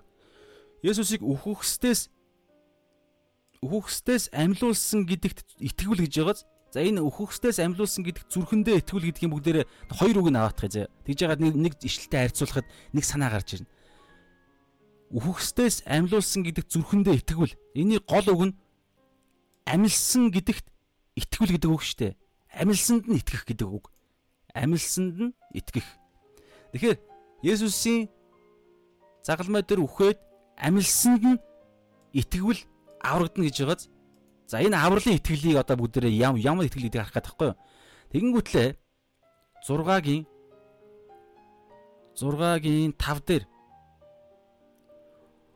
Учир нь хэрэг бид түүний үхэлтэй адилд үхэлтэй адил байдалд холбогдсон юм бол мэдээж бас түүний амьлалттай ч бас амжилттай ч адил байдалд холбогдох болно, нэгдэх болно. Англи хэл дээр united, unite те нэгдэх болно, холбогдох болно гэдэг. Тэгэхээр хараа бид Есүсийн үх загалмай үхэлтэй нэгдсэн. Бас загалмай амжилттай нэгдсэн. Түрүүн юу гэлээ Ром 19 дээр түүнийг үхсдээс амьлуулсан гэдэгт үхсдээс амилсан гэдэгт нь зүрхэндээ итгэвэл Амилсанд нь итгэл аврагдана. Одоо энэ дээр үгж байна. Амилсантай нэгдсэн гэж байгааз. Тэгэхээр итгэх нэгдэх гэдэг энэ ойлголт чинь зэрэгцээ ор явдаг юу? Энийг би яагаад хэлж байгаа гэхээр а Марк түрүүний гэсэн чинь Марк 11-ийнхаа 22 дээр те бурханд итгэх түн. Тэгэхээр бурханд итгэх түн гэдэг энэ те энэ итгэл чинь өөрөө түрүүний Есүсийн инжирийн модыг те ингээд нэг хэн шөнийн дотор хухааруулснаас илүү уулыг нүүлэх хэмжээний амьдрал дээр ер бусын гайхамшгуудыг та нар үйлдэх болно залбирлаараа бас харах болно элдв янзын гэрчлэлүүдээр нөхрөллөөр те харах болно. Тэгээ ингэхэд гол үг нь юу ямар үг юунаас болж ила? Итгэл гэдэг үг байсан шүү дээ. Энэ итгэл нь ямар итгэл вэ гэхээр Юр бусын ид шидэнд итгэдэг итгэл биш. Бирлэдэнд итгэдэг итгэл биш. Библийн бурханд биш. Зүгээр нэг өөрсдийнх нь хүсдэг гаж урсгалуудын зохиотсон Библиэс ингэж те сонгож сонгож авцсан тэр бурхандаа итгэдэг итгэл биш. Яг Библийн дагуу бүрэн төгс цогт цогц бурханд Мата 28:18 дээр гэж байгаа шүү дээ. 10 Мата 28 18-аас 20 дээр те агуу захимч дээр миний танаар тушаасан бүгдийг сахин биелүүлэхийг тэдэнд за бүгдийг нь Тэ тэгээд тэнгэр газар өнгөрөн одууч миний үгнээс нэг нь ч устдахгүй. Түгс бурхныг яг яг ингээд те бидний талаар сануулсан, зэмлсэн үгсийг нь аюултай аюултай зүйлс бидний талаар ярьсан үгсүүдийг бидний амьдрал хүлээж байгаа тэр хатуу үгсүүдийг ч гэсэн хэлсэн тэр бурхныг ч гэсэн тэр үгүүдийг нь судалж зөвхөн таалагддаг те өрөөх болно хангах болно те юу хүснээ гоо те эдгэх болно өрөөх болно гэдгийг ингээд цуглуул цуглуулчин гутлаа манай бурхан бол ийм бурхан гэдэг нэг юм сайн мэдээ зөхиогод яваад байгаа шүү дээ. Одоо энэ янз бүрийн тийм Америк Америк тийм байгаа ирээдүйд бүх их гарна гэж байгаа. Тэгэхээр тийм биш. Яг бурханд итгэх тун яг Библийн шин гэрээний гэдэг нь илүү чухал. Гэхдээ хуучин гэрээний гэрээ хуучин гэрээний бурхан бол шин гэрээний бурхан мөн шүү дээ адилхан. Гэхдээ шин гэрээний бурхан бол аа одоо яг төгс бүх загалмай дээр бүгд гүйцлээ гэж байгаа шүү дээ. Тэгэхээр тэр цогц байдлаараа байхгүй. Зөвхөн хуучин гэрээг бол болохгүй шүү дээ. Энэ чинь юу гэхээр дутуу гэсэн үг шүү дээ. Тэгэхээр төгс шин гэрээ гэхэд дотор нь хуучин гэрээ агуулгадж байгаа байхгүй юу? Тэр утгаараа сая хэллээ. Тэгэхээр ийм нарийн шиг үгэн дээр та бити төвлөрөөрэй. Хамгийн гол нь хэлэх гээд байгаа санаан дээр их төвлөрүүл зүгээр шүү. Тэгэхгүй бол бид нар ингээд аа янз бүрийн байдлаар ингээд юунд ордог. Аа яа одоо нөгөө нэг сарних зүйлд ордог. За тэгэхээр тим юм ярьж байгаа. Тийм учраас Ром 10 дээр 19 6-гийн 5-ыг сайн анзаарах юм бол итгэл бурханд итгэх итгэл гэдэг нь бол ерөөсөө бурхантай нэгдэх, юутай нэгдэх вэ гэхлээр хүсэлтэй. Бүгдээ энэ дээр нэг хэдийн харъя. За а бурханд итгэх түн гэж байгаа. Бурхан бурханд байгаа гэдэгт итгэх юм уу? Энийг яриаггүй ийм итгэлэг. Ягаад тэгэхээр Яаку 2-ын 2-ын 19 дээр чөтгөр хүртэл бурхан байдаг гэдэгт болон цор ганц гэдэгт нь итгэдэг бас бэмгэнэж айдаг гэж байгаа байхгүй. Тэгээ бид чөтгөр чөтгөрөөс баг 7 дэр юм хаашаа? Бурханаас айдаггүй бол. Аа тийм учраас те бурханаас айдаг байсан ч гэсэн эсвэл бурханыг байдаг гэдгийг мэддэг байсан ч гэсэн энэ итгэлийг яриаггүй гэж штэ. Чөтгөр хүртэл тэгдэг юу ярьж байгаа вэ гэхээр түүний хүслийг нь үйлддэг буюу түрүүний бид ингэсэн штэ. Итгэхтэн бурханд итгэхтэн гэдэг нь бурхантай нэгдэхтэн гэсэн санаа цаана зэрэг яваад байгаа штэ түрүүн би Ром 19 6-гийн 5 2-ыг харьцуулсан те Аа тэг өөр ишлүүд байж магадгүй би ингээ сайн санахгүй байна. Нэгдүгürt бас ингээ сайн судлал шин шин судлах тусам гарч ирэх байх. Тэгэхээр ямар ч үсэн гэсэн бурхантай нэг бурханд итгэх, Есүст итгэх гэдэг нь бурхантай нэгдэх, Есүстэй нэгдэх. Энэ юу гэсэн үг юм? Бурхантай нэгдэн гэдэг нь юу гэсэн үг юм? Есүстэй нэгдэн гэдэг нь юу гэсэн үг юм? Есүст итгэх нь гэдгийг гэдгийг ярьж байгаа шүү дээ. Гэтэл энэ юу ярьж байгаа гэхээр түүний хүсэлтэй нь түүний хүсэлтэй нэгдэх, хүсэлд нь итгэх, хүслийг нь нэгдэх буюу хүсэлтэд нэгдэх буюу хүслийг нь өөрийнхөө хүслийг болгох. Хүсэл нь тэгвэл юу хүсэж байгаа юм бурхан? Түүний үгээр нь илэрхийлэгдсэн Библиэр. Тэр тусмаа шинэ гэрээнд бурханы хүсэл хамгийн цогц, хамгийн тодорхой байдлаар байгаа. Дамаа а одоо юу гэдэг Ром номноос жоохон би тодорхой ярих га үзэж Ром номноос хойшоогоо илүү шууд утгаараа байгаа. А Ром номноос За би үйлсээс гэлсэн ч болох юм байна л да тий. А сайн мэдээний дөрвөн ном яагаад би хойш төр хойшонд явж байгаа гэхээр а сайн мэдээний номууд чинь бүгд загалмай өвхлөөр амлалтаар дуусж байгаа шүү дээ. Өргөгдөө дуусж байгаа. Ариун сүнс ирж байгаа үйл явдал нь гарааг байгаа шүү дээ. Тэгэхээр ариун сүнс ирэх үед буюу үүс 2 дугаар бүлгээс эхлээд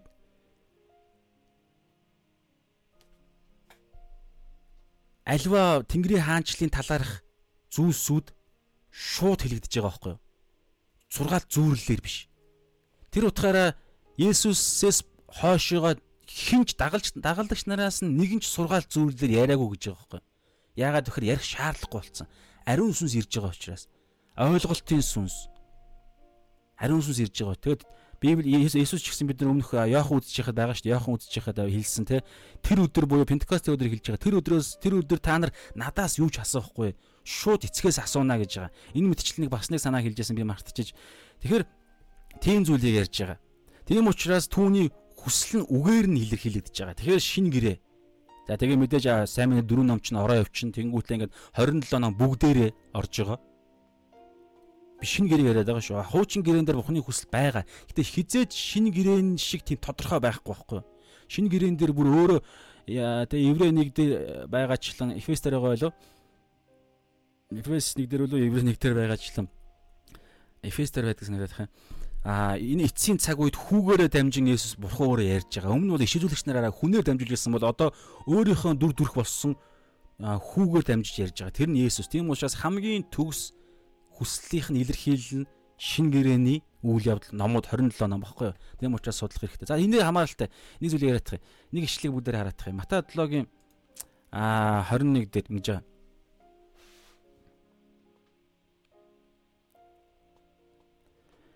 Намайг эзэмэн эзэм гэсэн болон тэнгэрийн аанчлал орохгүй харин тэнгэрт байгаа эцгийн минь хүслийг үйлдэгч нь л орно. Бурхан аавын хүслийг үйлдэгч нь л орно буюу нөгөө аврал энэ Тэнгэрийн хаанчлалд орно гэдэг чинь аврал авралыг яриад нь шүү дээ. Тэгэхээр хэн авралд орох вэ гэхээр Библи чинь өөрөө итгэлээр аврагдана гэж ярьж байгаа шүү дээ. Зөвхөн итгэлээр аврагдана. Үйлсээр биш. Итгэлээр аврагдана. Аа тэгэхээр итгэл итгэлээр Тэнгэрийн хаанчлалд орно гэсэн үг шүү дээ. Тэгэхээр энд Тэнгэрийн ихэнд Тэнгэрийн хаанчлалд ордог нь эзэм минь эзэм гэдэг үгээр биш. Хоосон үгээр биш. Харин Тэнгэрт эцгийн минь хүслийг үйлдэгч нь л орно. Тэгэхээр энэ орно гэдэг байгаа Тэнгэрийн энэ авралч нь өөрөө үйлсээр биш гэсэн мөртлөө итгэлээр гэсэн мөртлөө тэр итгэл нь юу вэ гэхээр Бурхан Аавын хүслийг хүсэлтэд нэгтсэн тэр ойлголтыг ярьж байгаа байхгүй. Түрүү ингэсэн шүү дээ.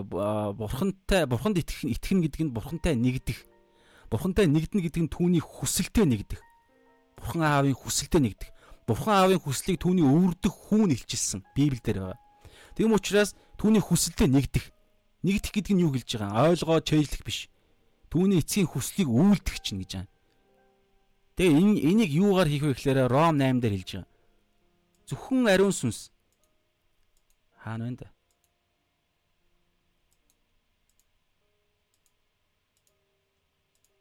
Ром 8-ийн 2 дээр л байгаа. А 2 4 дээр хаач ч үгүй. А за. Ром 8-ийн 4 дээр Ингэснээр хуулийн шаардлага гэж байгаа. Энэ хуулийн шаардлага гэдэг чинь юу юм? Хууль юу шаарддаг юм? Гимгүү бай, ариун бай. Бурхан шигэ бай, бурханд таалагд гэсэн санаа ярина. Тэгэхээр хуулийн шаардлага чи өөрөө бурханы хүсэл байгаа байхгүй юу? Бурханы хүсэл. Хууль бурханы хүслийг илэрхийлдэг штеп. Тэгэхээр хуулийн шаардлага нь махуудын дагуу бус харин сүнсний дагуу явгч бидэнд биелэгдэнэ. Тэгэхээр махуудаараа хүн хуулийг биелүүлж чадахгүй гэж байгааз харин ариун сүнсний хүчээр л хуулийг биелүүлж чадна буюу Бурхны хүслийг үйлдэж чадна гэсэн Маталог 21-ийг. А энийг андуурч болохгүй шүү. Энтэй андуурч болохгүй. Ром 8-1 дээр ингэж байгаа шүү дээ. Ийм эдүгөө Христ Есүс дотор байгаа хүмүүст ямар ч ял байхгүй. Буюу хуулийн бидний биднээс чи гимтэй уучраас чи гимийнхаа яар шийтгэлийг үүрэх ёстой гэдэг нь хуулийн биднийг буруутгадаг буруутгалыг биднэрт юусоо байхгүй. Бид буруутгал нь биднээс авагдцсан. Яаж? Учир нь Христ Есүс доторх Ром 8:2 Христ Есүс доторх амийн сүнсний хууль нь чамайг нүглийн болон ухлын хууль ухлын хуулиас чөлөөлсөн. Яаж чөлөөснгийг одоо энд 3 дээр хэлнэ. Махуудаар дамжин буюу хүн тэ хийж чадахгүй мөхс байсан те. Махуудаар дамжин мөхс болсон хуулийн хийж чадаагүй бурхан хийж нүглийг шийдэхийн тулд нүглийн асуудлыг те зэгцлэхийн тулд шийдэхийн тулд а ялахын тулд өөрийн хүүг нүгэлт махбодтой адил байдалд илгээн махбод дотор нүглийг махбод дотор буюу хүн байдлаар ирсэн мөртлөө нүглийг ялсан гэж байгаа байхгүй нүглийг шийтгэв. Шийтгэв. Ингэс ингэж тийм учраас хуулийн шаардлага гэдэг энэ үгийг сонсохороо та тий хуулийн биднээс тий бид нарыг буруутгадаг тий хууль бол чи гимтэй гэдэг хууль бол нүгэлтэй гэдгийг л ичлэхээр ирсэн мэрсэн тий гэдэг ишл мишлтэй андуурч болохгүй шүү дээ энэ чинь өөр хам сэдв шүү хуулийн шаардлага гэдэг бол хууль юу шаарддаг вэ гэхээр гимгүү вэ гэж шаарддаг ариун бай гэж шаарддаг тэгэхээр ариун сүнсээр явж байгаа тохиолдолд ариун сүнсээр буюу сүнс ба үнэн гэж ярьж байгаа. Үнэн буюу Есүсийн үгээр гэсэн санаа байгаа. Бас Есүсийн загалмайтай нэгдэх нэгдэл. Тэгэхээр ариун загалмайд нь итгэснээрээ хүн зөвтгөгддөг буюу нөгөө хуулийн шаардлага чинь биелж байгаа байхгүй юу? Гимгүү. А тэгэнгүүтээ үргэлжлүүлэн яаж гимгүү явах юм? Гэхдээ ариун сүнс ариун сүнсээр хуулийн шаардлага буюу гимгүү бай, ариун бай, ариунаараа амьдр гэдгийг хүн алхам алхмаар хийнэ. Гэхдээ ингэж явах явцад хүн яах вэ гэхээр алдаа гаргадаг штэ бид нар. Тэгэхгүйд яах вэ гэхээр дахиад Есүсийн цус руу явна. Буюу гимшил. Тэгэхээр байн гимшсээр байх, байн а түүний загалмайд Есүс Луг 9:23 дээр та нар намайг дагахыг хүсвэл өдөр бүр өөрийгөө үгүйсгэн гэж байгаа. Өдөр бүр өөрийгөө үгүйсгэх буюу өөрийгөө өхүүлэх өөрийнхөө эрх ашиг хойш нь тавих аа хуучин үнийхээ ашигыг загалмай дээр хаах гэсэн санаа. Тэгэхээр ийм зүйл ярьж байгаа. За бүгдээрийг үнцэн юм эсрэг очие. Тэгэхээр энэ дээр бурханд итгэх түн гэдэг дээр ийм ярьж байгаа. Бурхны байгаа гэдэгт нь итгэх юм ерөөс яриаггүй. Энэ дээр тэр утгаа хар та үл итгэгч хүн хүртэл зүрхнийхээ мэс чанараараа бурхан байдаг гэдэгт итгэдэг мэддэг мэддэг шүү. Хүлийн зөвшөөрөх наана гагаж хилдэггүй мөртлөө цаанаа ингээд зүрхэнд нь байж идэг. Ром дээр байгаа байхгүй мэс чанар нь түүнийг хүмүүсүүдийг алдаа гаргах үед гим нүгэл үйлдэх үед хэн нэгнийг хохирох үед дотроос нь буруутгадаг байхгүй гимш гимшүүлдэг. Эн чинь өөрөө мэс чанарын хууль гэж байгаа. Бурхны дүр төрх. Бурхны тэр нэг юм ариун байх гэдэг юм гимгүү зүвт байх гэдэг юм хүний гимтэй хүний дотор тэ бурханд итгэдэггүй гаж уурсгалын ямар ч хүний дотор ингэж байж идэг байхгүй. Ийм учраас бурхан байдаг гэдэгт итгэдэг тэр итгэлийг яриаггүй.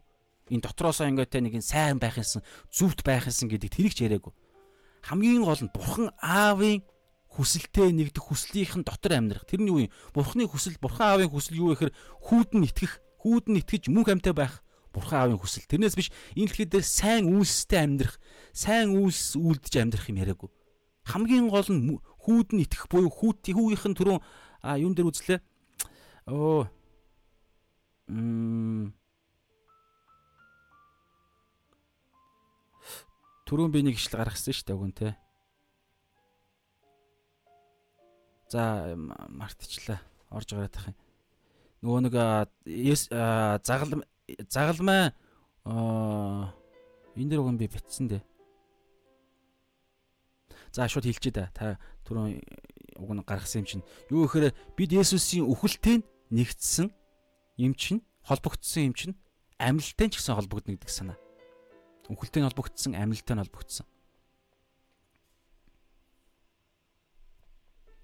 За. За тэгээ цаашаа явъя. Дунд нь ингээд нэг ишлэлээс болоод сарнчлаа шүү.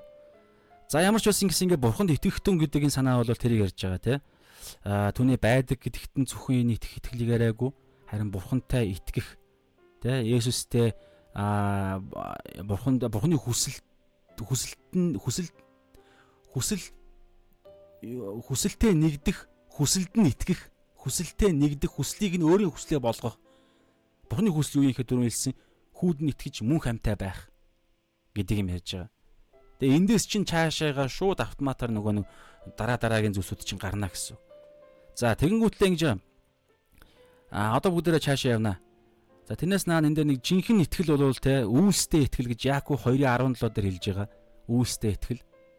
Үүстэй итгэл буюу үр жимстэй итгэл.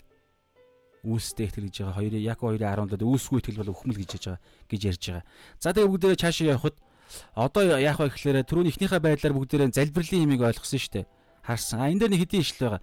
Одоо энэ дээр ингэж байгаа А өнөөдөр бидний үдж байгаа хэсгийн хамгийн сүүлийн ишлэл дээр 22 дээр та нар итгэлтэйгээр юуны төлөө залбирэн гуйна юуны ч төлөө залбирэн гуйсан түүнийгэ хүлээн авах болно гэж ярьсан тий. Энээс өмнө бол энэ түрүү итгэл яриад байгаа шүү дээ. Марк 11:22 дээр бол Марк 11-ийн 22 дээр бол бурханд итгэхтэн бурханд итгэх итгэл дотроо юу ч гуйсан гэсэн санаа шүү. За энийг бүгдээр одоо гуйлт руу нэг нэг хоёр ишл хараадах юм. Энд дээр гэж байгаа бидний мэддэг ишлэлтэй 1-р Иохан 5-ын 14-өөс 17 дээр. За энэ маш чухал ишлэл. 1-р Иохан 5-ын 14-өөс 17. Бид түүний хүслийн дагуу юу ч гуйсан. Тэр биднийг сонсдог нь түүний өмнө бидэнд байгаа итгэл зориг юм аа. Бид түүний Бурхан Аавын хүслийн дагуу гэдэг энэ үг. Энийг бүр ингээд нэрэ бидний амжилтанд хүрэхийн хамгийн гол бидний үг, код, нууц үг гэж хэлж болно. Хүсэл, Бурханы хүслийн дагуу гэдэг бол бидний лооцсон. Бурханы хүслийн дагуу амьдарч байгаа тохиолдолд үргэлж сайн сайхан ивэл өрөөл амжилт бүтээл дагалдах болно. Хүслийн дагуу явж байгаа тохиолдолд Бурхны хүслийн дагуу бизнесмен бол үнэхээр баян дансаг амьдралаар амьдрах болно. Гэхдээ Бурхны хүслийн дагуу энд хүслийн дагуу гэдэг нь бол маш одоо юу гэдэг юм одоо олон талт гэх юм уу хүн хүнээс ялгаатай хүслүүд байгаа байхгүй юу? Ерөнхий хүсэл гэж байгаа. Тэрнээс гадна хүн хүний ялгаатай цан характер, амьдрал сул тал гэж байгаа шүү дээ. Тэр болгонд нь тааруулсан бурхан өөрийнх нь төлөвлөгөөг зохиож байгаа. Хүн болгоны хурууныхээ тэ ондоо ялгаатай байдаг шиг хүн болгоны зан характер, хүн болгоны хүсэл зориг, дуртай зүйл, дургу зүйл, юун дээр сул дорой байдгүй, юун дээр хүчтэй байдгүй тэр бүрд нь таарсан тохирсон хүсэл гэж байгаа. Тэгээ Ром 8:28 дээр бол бурханы хайрлаг түүний зорилгод зорилгын дагуу дуудагдсан хүн бүх дуудагдсан болгон тохиолддог бүх зүйл аа тэдний сайн сайхны төлөө хамтдаа ажиллана гэж байгаа. Бүх зүйл. Ингэж ажиллахад чинь аа тэр бүх зүйл гэдэг нь тухайн хүн ямар ямараас шалтгаалж, ямар төвшөнд байгаагаас шалтгаалж, ямар сул талтай, ямар давуу талтайгаас шалтгаалж янз бүрийн хүслүүд байгаа. Тэгэхээр тэр хүсэл нь хүсэл Бурхны тэр хүсэлтэд нэгдэж чадвал тэр хүсэл нь бата, доржоо, цэцгээ, инх тайвнаа, хинээж чи дэлхийн номер 1 баян болоо болгохыг би хүсэж байна гэж бурхан хүсвэл хамгийн аюулгүй хүсэл. Гэтэл тэр хүн өөрөө баян болохыг хичнээн хүсээд бурханаас намайг баян болгож өгөөч. Та энэ дээр Матай 21-22 дээр та нар итгэлтэйгээр юуны ч талаар залбирэн гуйсан түүнийгээ хүлээн авах болно гэж та хэлсэн шүү дээ. Би Монголын хамгийн баян хүн, дэлхийн хамгийн баян хүн болмоор байна гэж би үнэхээр итгэж байна, эргэлзэхгүй байна гэсэн ч гэсэн Бурхны хүсэл биш бол бурхан үгүй гэж хэлнэ. Энэ нь хамгийн гой хариулт байхгүй хамгийн сайхан хариулт. Хэрэв бурхан тийгья гэж хэлвэл тэр хүн яг л аа Есүсийг 40 өдрийн мацаг бариад 40 өдрийн эцэстээ сатан Есүст хэлдэг шүү дээ. Миний өмнө сөхрүүл би энэ дэлхийн бүх зүйлсийг дээд баялаг нэр алдрыг чамд өгье гэж хэлдэг тэр сатан чинь бурхан хэрүү тэгье гэж хэлвэл уухаандас алгаа ташаал аа тэр хүнийг залхихаар дараагийнхаа ажил руу орно гэсэн үг. Тэрийг мэдчихэж байгаа. Ягаад гэвэл тэр хүний сул тал нь мөнгөний шунал байгаа байхгүй. Тэгэхээр мөнгөний шуналтай хүн хүн би тийм итгэгч нар байгаа шүү дээ. Мөнгөний шунал гэдэг чинь өөрөө энэ дэлхий дээр баг хүн болгон байхаа миний бодлоор хүн болгонд байх боломжтой. Ягаад тэгэхээр эдийн засгийг ноёрхож байгаа энэ дээр бол тийм учраас бурхан мөнгөний шунал шунлын тэг юм юм байгаа итгэж хайртай охид хөвгүүдээ бурхан мөнгөтэй холбогдлолтой юмар сорилтонд оруулахгүй байхгүй. Хоёр эзэн зэрэг үйлч чадахгүй гэж байгаа шүү дээ. Матай 6-гийн хэд дээр байгаа лээ дээ. Матай 6-7-гийн нэг дээл байгаа. Гарчгаараа байгаа шүү дээ. Тэгэхээр хүн хоёр эзэн зэрэг үйлчлэх боломжгүй буюу хоёр зүйлийн зорилгоо болгох боломжгүй. Нэгдүгээрт мөнгө, эд баялаг, нэг хоёрдугаарт бурхан. Нэгийг нь үзий, нэгийг нь хайрлахад нөгөөх нь автоматар үзий яддаг гэж байгаа байхгүй. Эзэн эзэн ярьж байгаа шүү дээ. Тэрнээс биш зүгээр хамтрагч юу гэдэг хамтрагч ингээд багажаа болох юм яриаггүй шүү дээ. Есүс ч гэсэн мөнгө төрхтэй холбогдлолтой амьдралаар амьдрсан шүү дээ.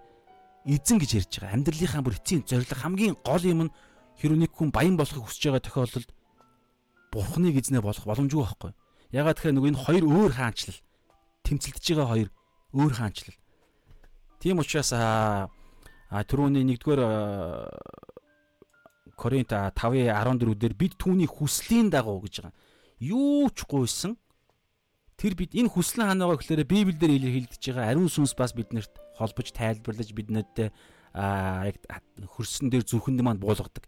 Яг би хүн болгоны хүн болгоны ялгаатай талбарууд дээр. Тэгэхээр ариун сүнс Библи хоёр дандаа хамт явж байгаа. Түүний хүслийн дагуу юу ч гуйсан тэр биднийг сонсдог нь түүний өмнө бидэнд байгаа итгэл зориг юм аа. Тэгэхээр энэ дээр хараа итгэл тэ аа биш хаана вэ?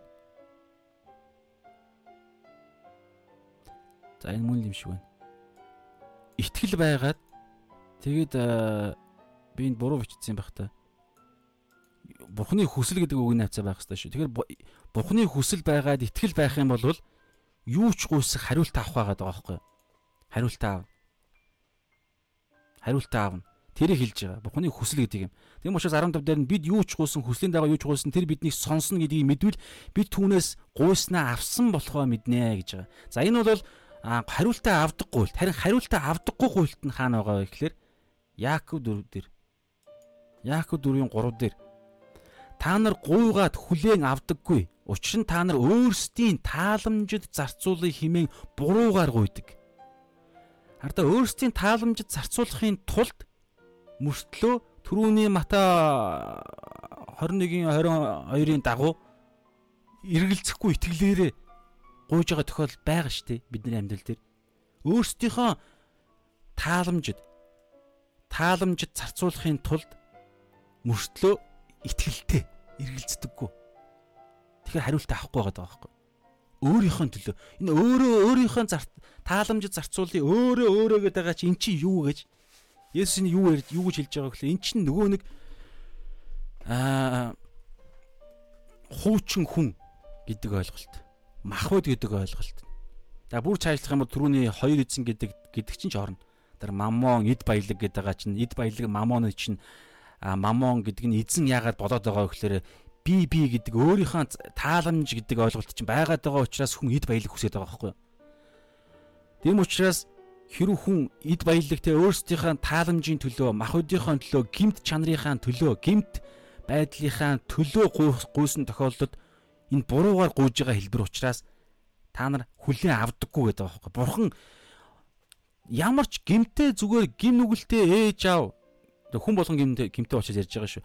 Зүгээр ямар ч гинлэхийн итгэгч мөн ч бай биш ч ямар ч хүн за итгэгч бишийг нь бүр ярихад те итгэгч биш хүн бүр тэр утга бүр аимшигтай гим нүгэлтэй хүн байсан ч гэсэн хүүхэд нь ээжээ би энэ лаан лааны энэ дээр байгаа энэ гоё хөдлөөд байгаа амийг би гараараа баримаар бай баримаар байна гэдээ хэлэх үед хүй болохгүй наа чин гарын чин төлн ингээд буюу баримаар байна гэж байгаа хүсэлтэнд нь үгүй гэж хариулна шүү дээ. Эсвэл би зүгээр хамгийн жижиг юм байл. Өөр янз бүр хэмэлж болно шүү дээ. Би жолооны өнүүлэх байхгүй жолооны өнүүлэхээр би яах юм? би анх удаага машин барьж байгаа. Тэгвэл би та баян юм чинь би баян айлын хүүхд юм чинь би машин барьж өнөөдөр би цэцэрлэг рүүгээ явмаар байна. Тиймэрхүү юм ярихад бурхан бурхан гин ямар ч аав өгүүл гэж хэлнэ шүү дээ аав ээж нь. Тэгэхээр бид аюултай юм буюу өөрсдийнхээ тааламжийн талыг гуйхад бурхан үгүй гэж хэлдэг байхгүй. Тэгвэл хэн миний тааламжийн төлөө гуйх юм? Би өөрийнхөө төлөө гуйхгүй бол хэн миний тааламжийн төлөө гуйх юм? Намайг надаас илүү хайрладаг нэгэн болох намаа миний төлөө өөрийгөө өгсөн миний төлөө өнөөдөр энэ дэлхийн ертөнцийг нарыг мандуулж байгаа үнгүү агаар өгж байгаа үнгүү ус өгж байгаа үнгүү зүрхийг маань зохиолуулж байгаа үнгүү цусыг маань гүйлгүүлж байгаа үнгүү эд эсийг минь ажилуулж байгаа үнгүү ээжийг өгсөн үнгүү эхнэрийг өгсөн аавыг өгсөн үр хүүхдийг өгсөн бүгд үнгүү энэ дэлхийн ертөнцийн дээр үнтэй болгоод байгаа юм чинь хүн л дундуур нь орж ирээд хөлс хөдөлмөрөө үнэлээд байгаа байхгүй. Зүгээр хамгийн энгийн байдлаар ярихад бол А тэрнээс биш яг хүний амьдрахад хэрэгцээтэй юм бүгд үнгүү. Таараа мал мах үнгүү. Гурил газраас үнгүү гарч ирдэг. Газар те тэр хөдөлмөр гэдэг юм чинь хөдөлмөр үг гэж хэлэх юм уу тэгэхээр хөдөлмөр чинь хөдөлмөрөхөд хүртэл хөдөлмөрлөхөд энэ гар үнгүү ирсэн шүү дээ бид нарт. Хөдөлмөрлөхөд агаар байхгүй бол бид хөдөлмөрлж чадахгүй. Тэгээ бүх юм үнгүү байхгүй. Тэгэхээр тэр бурхан биднэрт хамгийн сайныг хүсэж байгаа. Тэгэхээр бид өөрсдөө өөрсдийнхөө тааламжид та зарцуулъя гэж гуйдаг энэ өөрсдийн тааламж гэдэг байгаа чинь харин бидний өөрсдийгөө балладаг байхгүй. Ягаад гэвэл эн чинь өөрөө нөгөө гимт мөн чанараас гараад байгаа. Энэ дэлхийн ертөнцийг захирагчаас. Тийм учраас бид 1-р Иохан 5:14 15-ын дагуу Бурхны хүслийг буюу Библиэсээ Бурхан юу хүсдгийг олж мэдэх үед тэр хүсэж байгаа зүйл нь юу вэ гэхээр дандаа бидний сайн сайхны төлөө байгаа. Бурхан энэ дэлхий дээр байгаа ажилуулж байгаа Библийн түүхэнд болж байгаа бүх зүйл бүгд бидний сайн сайхны төлөө. Тэгээ хариуд нь юу хүсэж байгаа юм? Зүгээр л алдрал хүсдэг. Харин Бурхан биднэрт өгж байгаа энэ бүх үнгүү зүйлсүүд бүгд бидний төлөө. Хариуд нь зүгээр л талархал буюу өөрийг нь өөр өөрөөс нь хамааралтай байгаарай л хүсдэг. Анханасаа ингэж бүтээгдсэн учраас энэ бүтээгдсэн зорилгын дагуу байгаарай гэж хүсдэг. Энэ хамгийн сайхан учраас. Тэгэхээр тэрийг ярьж байгаа. За тэгээд бүгдээрээ одоо нөгөө нэг сүүлийнхаа нэг хэсэг рүү очие. Одоо ингээд ерөөдөө болцсон Библийн өнөөдрийнхөө хэсэг болвол тэгхтээ дагалдагч нар маань нэг асуултыг асуугаагүй гэж түрүүн бид нар үздсэн шүү дээ. Дагалдагч нар юу гэж асуусан бэ гэхээр 10 20 20 дээр ингэсэн шүү дээ. Энэ инженерийн мод яаж ийм хурдан хухаар Тэрэнд нь сая ингээд Есүс яагаад ингэж хухаасныг нь хэлсэн итгэлээр юм болсон. Та нар ч гэсэн итгэлтэй байвал илүү гайхамшиг үлднэ. Тэгээ энэ итгэлээрээ дамжуулж та нар гайхамшиг нь үлдэхдээ яаж үлдэх вөхөөрэ залбирлаар үлднэ.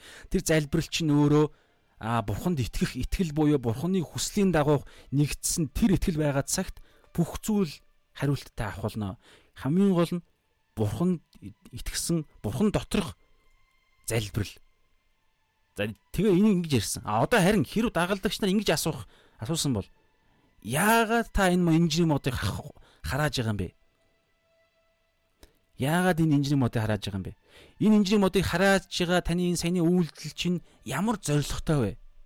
3 жил дагахад тэд нар бүгдээрээ Есүс ямар дандаа зоригтой юм хэлж байгаа гэдэг мэдж байгаа. А сургаал зүүрл хэрв ярьсан бол тэд асуух байсан байх миний бодлоор. Таны сургаалд яагаад тэгэхээр урд ингээ Мата 13 мөрөөр бол те энэ инженерийн модны авшаа гिचи юу лээ? Үрийн сүлийн сургаал зөвлөл нь ямар утгатай юм бэ гэж асуун янз бүрийн асуулт нь. Та энэ юу гэсэн үг вэ гэж асуудаг. Тэр гэтэл энэ болохоор нэг бодиттой үйл явдал нүдэнд нь харагдах үйл явдал болцсон учраас шууд эхнийхээ мэдрэмжээрээ асуулт нь гарч ирээд байгаа байхгүй. Яагаад яаж энэ нэг өдрийн дотор энэ юм болчихваа гэж бодолт нь тэр.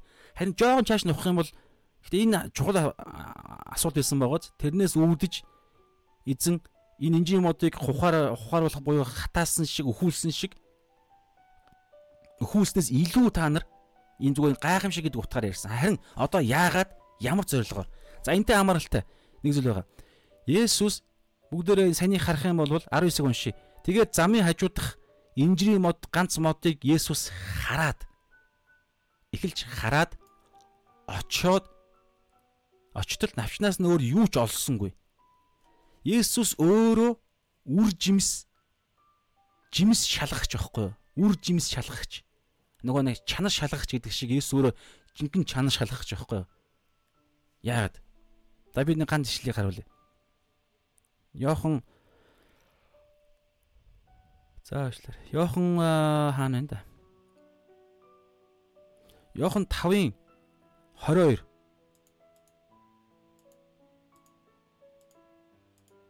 Иохан 5-ын 22-оос 23 дээр Есүс өөрөө цорын ганц хууль ёсны дагуух чанар шалгагч, шүүхч, үр жимс шалгагч. Эцэг хэнийг ч шүүхгүй. Бурхан аав хэнийг ч шүүхгүй эцсийн өдөр. Одоо ч хэнийг шүүхгүй. Зөвхөн харин тэр бүх шүүлтийг гэж байгааз бүх шүүлтийг хүүдээ даатгсан. Хүүдээ Есүс энэ ингэж эний зорилго нь бол энэ бүгд эцхийг хүндэлдгийн аль хүүг хүндлэхийн тулд юм а. Хүүг хүндэлдэггүй нь түүнийг илгээсэн эцхийг хүндэлдэггүй. За ингээ юм ярьж байгаа. Тэгэхээр одоо бүгдээрээ нэг зүйлийг харъя. Есүс ээжлэдээ саяны мод руу очингуутлаа эхлээд тэр модын үр жимс байгаа эсхийг нь шалгаж байгаа байхгүй чанар шалгахч. Энийгөө юу илэрхийлж байгаа гэхээр бүгдээрээ Мата 7 руугаа буцаа очие. Мата 7-гийн За энэ дээр нэг гаргадаг болохоор жоох ингэ хэдэн секунд алдаад байгаа маа.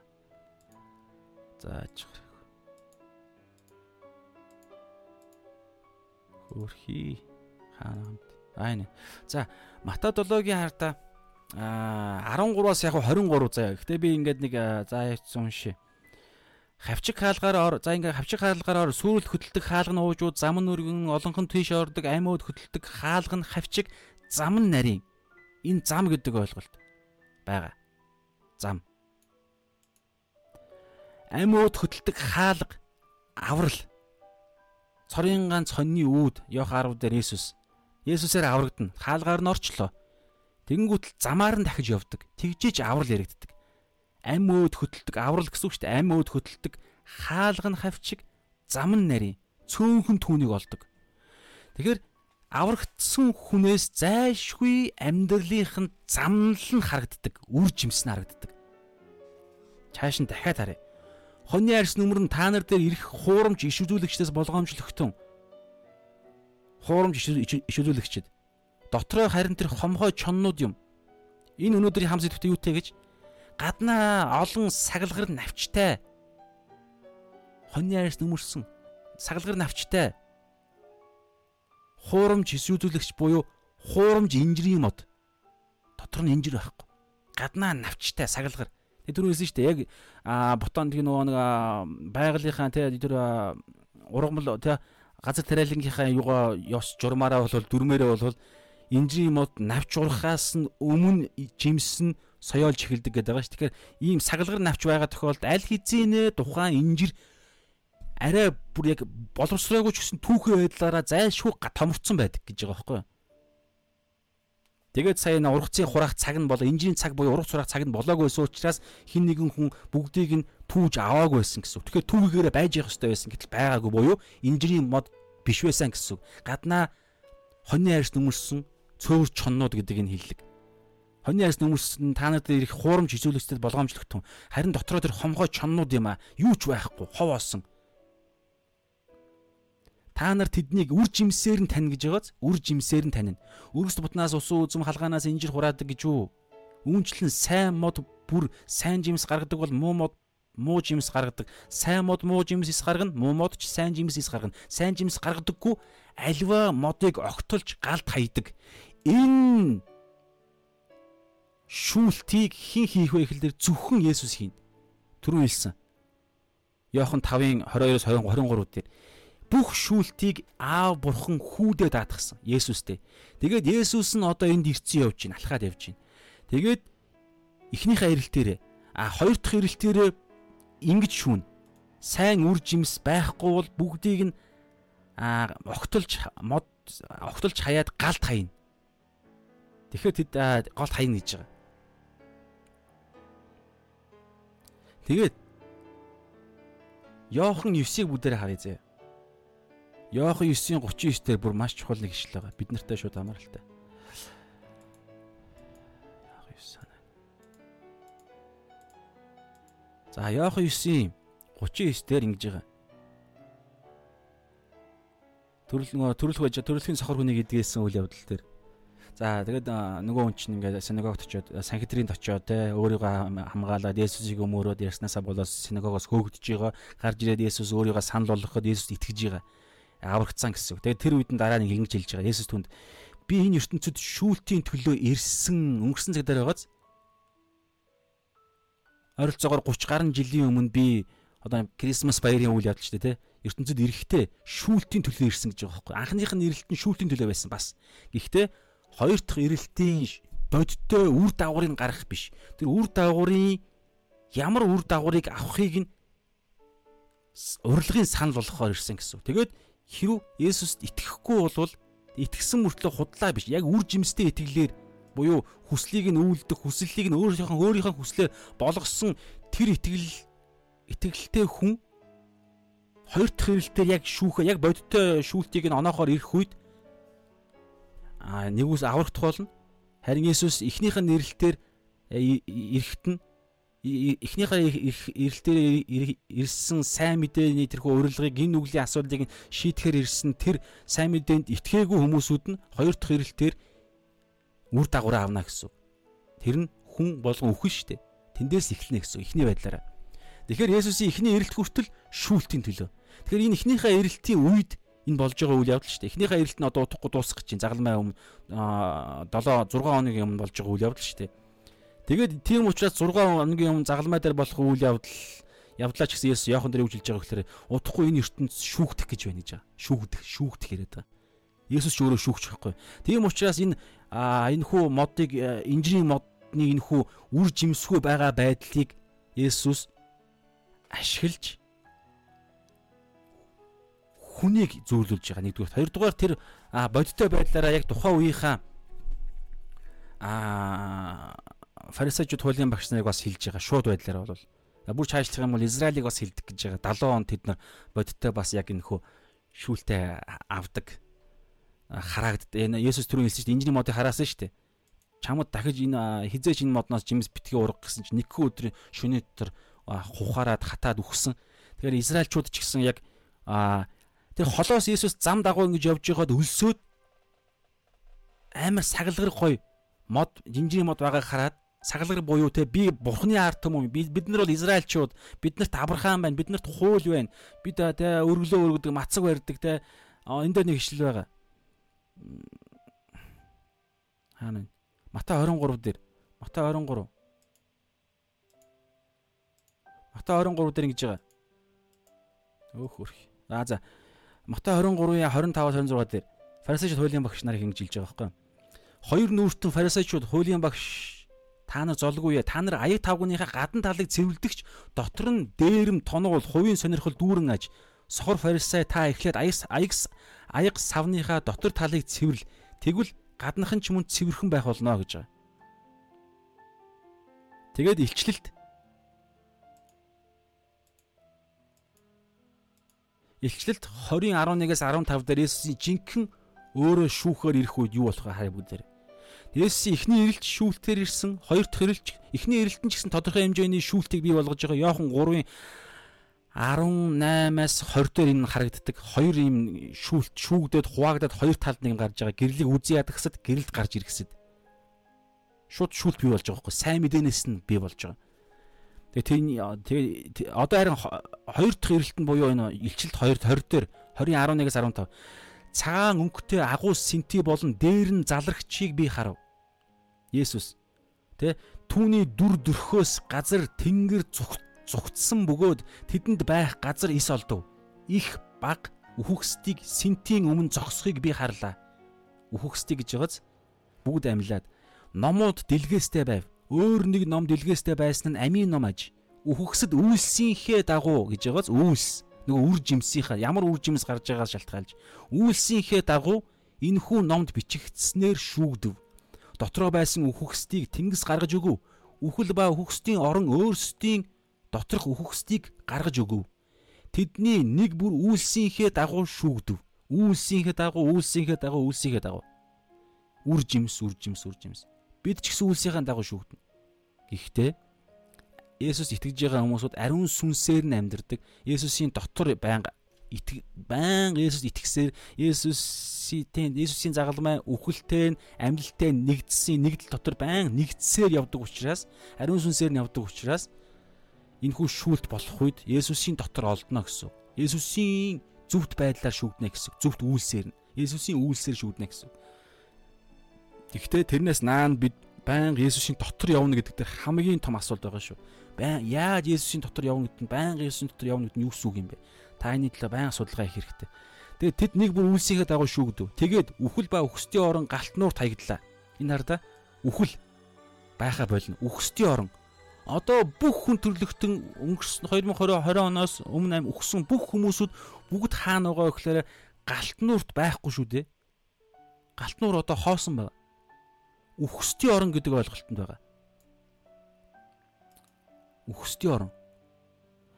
А хоёр дахь хэрэл тэгээд энэ өдөр энэ шүүлтийн өдөр цагаан сентений өмнө шүүлтийн өдөр яах вэ гэхээр тэгэд үхэл ба үхсдийн орон нь өөрсдөө галт хаягдана. Галтнуур таягдана.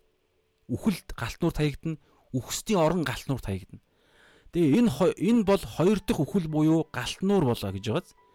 За мөн амийн номд нэр нь бичигдсэн нь олдоогүй бүхэн галтнуурт хаягдав. Амийн номд яаж бичигдэх юм? Зөвхөн ам болсон Есүстэй нэгдсэн нэгдэл буюу итгэсэн итгэлээр л амьдрна. Амийн номд бичигддэг. Тэгээ амийн ном бичигдсэн хүн ариун сүнстэй ариун сүнстэй хүн ариун сүнсээр явдаг хүнийг хилдэг. Ариун сүнсээр явхаар түрүүн Ром 8-ын 4-дөр 9 дагуу хуулийн шаардлагыг биелүүлж амьдэрдэг. Энэ нь хуулийн шаардлагыг биелүүлэх өртөө гэдэг утга ерөөсөө биш шүү. Дандаа хүмүүс холиод байдаг. Үгүй. Хуулийн шаардлага нь миний өөрийн шаардлага болчдөг байхгүй. Ариун сүнсний ариун сүнсээ дахин төрсөн хүн өөрөө хуулийн шаардж байгаа зүйлийг бид өөрсдөө хүсдэг болсон. Бид өөрсдөө өөрөө өөрөөсөө шаардж эхэлнэ баг. Баг гэж угаасаа тэгдэг. Бидний мөн чанар. Хууль хуулийн шаардлага чинь бурхны хууль чинь өөрөө бурхны хүслийг илэрхийлдэг шүү дээ. Тэгэхээр бид бурхны сүнсийг аваад бурхантай нэгдчихээр бурхны хүсэл чинь миний хүсэл болно гэсэн үг шүү дээ. Гимгүү байх, зүвт байх, завхаарахгүй байх, тэ? Би хүсэл яриад шүү дээ. Үйлсийг үл яриаггүй. А энэ хүсэл чинь тэгээ баг багаар итгэлээс итгэл үүс нэг ялалтаас алхам алхмаар ингэж амжилтанд хүрдэг. Ариусгалын амьдрал чинь ариусгал гэ sanctification ариусгал гэдэг чинь амьдралын турш болдог. Тэгвэл энэ зүйлээ бид тодорхой замаа харж явах хэрэгтэй байхгүй. Тэр нь ариун сүнсээр явж Есүсийн үгийн дагуу явах Есүстэй адилхан болох Тэнгэрлэг эцэг чинь төгс байдаг шиг та нар ч гэсэн төгс бай гэж Матай 5 дээр хэлж байгаа шүү дээ. Ариун сүнстэй учраас эцэгтэйгээ нэгтцэн учраас боломж нь байгаа учраас бид хуулийн шаардлага буюу төгс байх, гимгүү байх боломж нь биднэрт байгаа. Тэгээ энийг ийм байхын төлөө явах өдрөөс өдөрт дунд нь уналт бий болно, алдаа гарна. Мэхлэгдснээсээ болоод зарим зүйлсүүдийг санаатайгаар ч гэсэн гим нүгэл үйлдэж байгаа юм шиг тийм тохиолдолд орно. Гэхдээ санаатаа гэдэг нь тэрсэлсэн байдлаар биш яаж энэ гимнүглийг үйлдэхгүй байхаа мэдэхгүйгээсээ болоод Библийг уншдаггүй нэг талаараа нөгөө эсвэл нөгөө талаараа ариун сүнстэй байнга бясалгаж те тэмцэж залбирдаггүй тэрнээсээ болоод гимнүгэл үйлдэж санаатаагаар гэсэн ойлголттой. Яг санаатаа гэхээс илүүгээр мэхлэгдсэн байдлаараа үйлддэг гэдэг. Яг тэрслээд за би энээр энэ гимнүглийг би заавал үйлдэнэ. Бурхан хүсэхгүй байгаа би мэдж байгаа. Гэхдээ би үйлдэнэ гэж үйлдэх биш яана би чадахгүй байна. Яг үлдэх гээд байна. Яах вэ гэдэг тэгээд дотор зайлуул ингээд аргаа мэдхгүй ингээд те бурхан минь туслаач маслаа гэж тэгээд чадахгүй тэгээд шавартаага зурвалдж байгаа. Эн чин санаатай яг тэрхүү нөгөө хуучин гэрээнээ санаатай гим нүгэл дахил байдгүй гэдэг гин нүгэл биш байхгүй мэхлэгдэх гэдэг ойлголт байгаа нэг талаараа. Тэгэхдээ яг тэр гин нүгэл үлс нараас нь гимшдэг. Тэгээд яг зөвхт байдлынхаа нэгүслийнхаа хувцас өмшөө өмсөөд тэндээсээ нэгүсэл нэгүслээ авсан тэндээсээ дахиж таашаа яваад дахиж унахгүй төлөө ариун сүнстэйгээ хамт алхдаг. Тэгээд алхам малхмаар ингэж дээрээ давдаг. Тэгээд эн чинь ингээд амьдралын турш бий болно. Эн чинь өөрөө алхам малхмаар ингээд гим нүглийг эсрэг тэмцэж байгаа эн чинь өөрөө Есүсийн дотор олдож байгаа байдал хэвгүй. Ариун сүнсээр явж байгаа байдал чинь эн чинь өөрөө.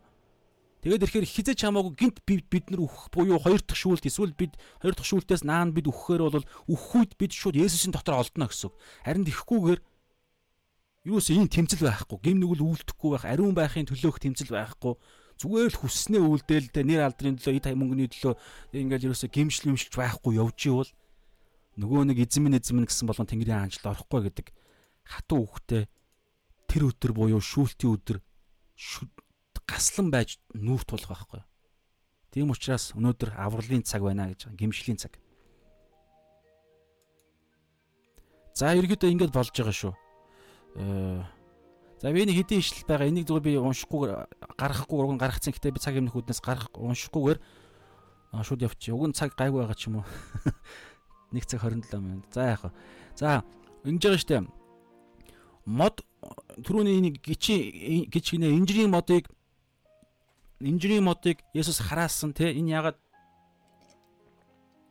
хараасан байхэр үр жимсгүй байсан учраас гэж ярьсан штэ. Тэгээ энэ нүгээрээ бас иш үзүүлгийн үйлдэл гэж түрүүн би харлаа бид нар харлаа дээ. Ирээдүйд угаасаа Есүс бодиттой үйлсээр нь шүүн гэж түрүү харсан. Үйлсээр нь илчилт 20 11-ээс 15 дээр бүх хүмүүсүүдийг үйлсээр нь шүүн буюу үр жимсийг нь харна гэсэн.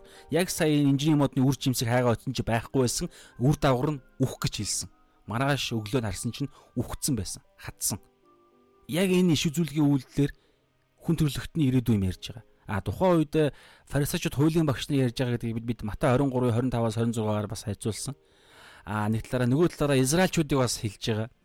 Тухайн үе тухайн үеийнхаа тэрхүү Иесусийн цаг үед те Израильчууд тэгж Иесусийг эсэргүүцээд хүлээж аваагүй учраас бид нар шийтгэлээ авсан 70 онд. Тэгтээ яг уу Тэгтээ яах вэ гинэ энэ чи Израильчууд чинь эргэж эцсийн өдрийн нэг том тэмдэг бол бүгд эргээд Израиль Израильчууд ингээд тархсан Израильчууд чинь нутагтаа буцаж ирээд тэгээд Есүст эзэндээ бурхан Есүстэй итгээд итгэнэ гэдэг тийм тэмдэг байгаа шүү дээ. Асар том тэмдэг. Израильчууд бүгд үндэстнэрээ Есүст итгэх үед эцсийн өдөр ирнэ гэж байгаа байхгүй. Тийм ярьж байгаа. Тэгээ энийг бас ярьсан те. Тэгээ тэгэнгүүтлээ а Матай 7-гийн 13-аас те 23 дээр юу гэхээр Есүсийн үр жимс гэдэг нь Бурхны хүслийн дагуу амьдрах үйлс хүсэл ярьж байгаа. А тэгэнгүүтээ Иохан 8-ын 31-ээс 32 дээр юу байгаа гэхээр ингэж байгаа. Аа ингэж байгаа. Есүс өөрт нь итгэсэн гэж байгааз итгэсэн хүмүүсүүдэд хэлж байгаа шүү. Дараагийнхан шатна. Яаж хамт явах юм. Итгэсэн юдэчүүдэд хэрв та нар үгэн дотор минь байвал итгэсэн хүн нь зайлшгүй үгэн дотор нь байдаг. Эн чинь өөрөө авралын батал, авраглын итгэлч энэ. Ингээд болчт юм биш. Итгэсэн хүмүүсүүд нь үгэн дотор нь байж амьдрдаг энэ абайд гэдэг үг. Амьдрах үгэн дот үгнээс нь хамааралтай бүх юм нь шийдэгддэг. Бурхан Есүсийн үгнээс. Үгэн дотор минь байвал үнэхээр миний дагалдагчд байна гэж байгааз жинхэнэ аврагдсан авралын итгэлтэй надтай нэгдсэн дагалдагч на гэсэн. Тэгээд үр дагавар нь яах вэ яах вэ гэхлээр тэгээд та нар үннийг ойлгоод үнэн гэдэг маш чухал үг. Үнэн та нарыг чөлөөлнө. Үнэн та нарыг чөлөөлнө, үнэн та нарыг баяр хөөртэй болгоно, үнэн та нарыг амар тайван болгоно гэж байгаа.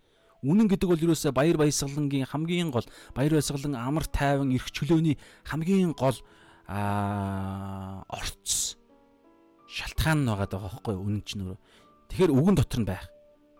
А Матадлогийн 21-аас 23 Матадлогийн 13-аас 23 дээр бид ерөнхийд нь гол үг нь бол Бурхны хүслийн дагуу үйлдэх гэдэг санаа ярьсан шүү дээ. Хүслийг нь үйлдэх. Тэр чинь өөрөө үнний үнэн тэгээ үгэн дотор нь байх гэдэг ойлголт. Үннээр нь амьдрах гэдэг ойлголт.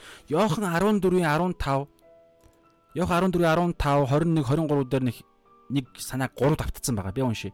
Яг саяны санаа энэ бүгд адилхан санаа байхгүй юу? Би батлах үүднээс таныг гарах гарах гарцгүй болох хэрэгтэй байхгүй бид нар Библийн үгээр.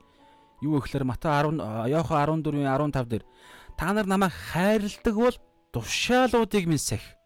21 дээр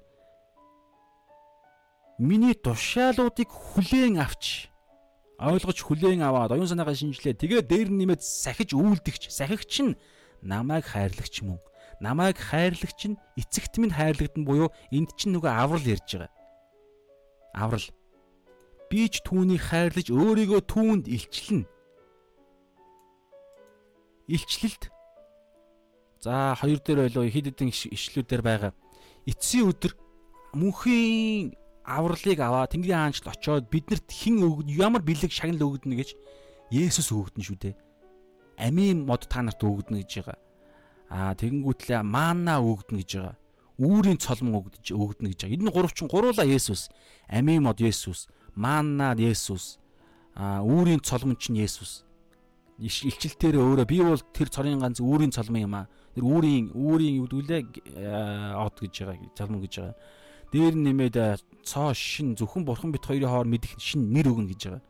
Тэгэхээр өөрийгөө илчилнэ гэдэг чинь бас л аврал. Тэгэхээр Есүсийг хайрлаад тушаалуудыг нь сахидаг хүн л аврал ярьдаг хөөхгүй.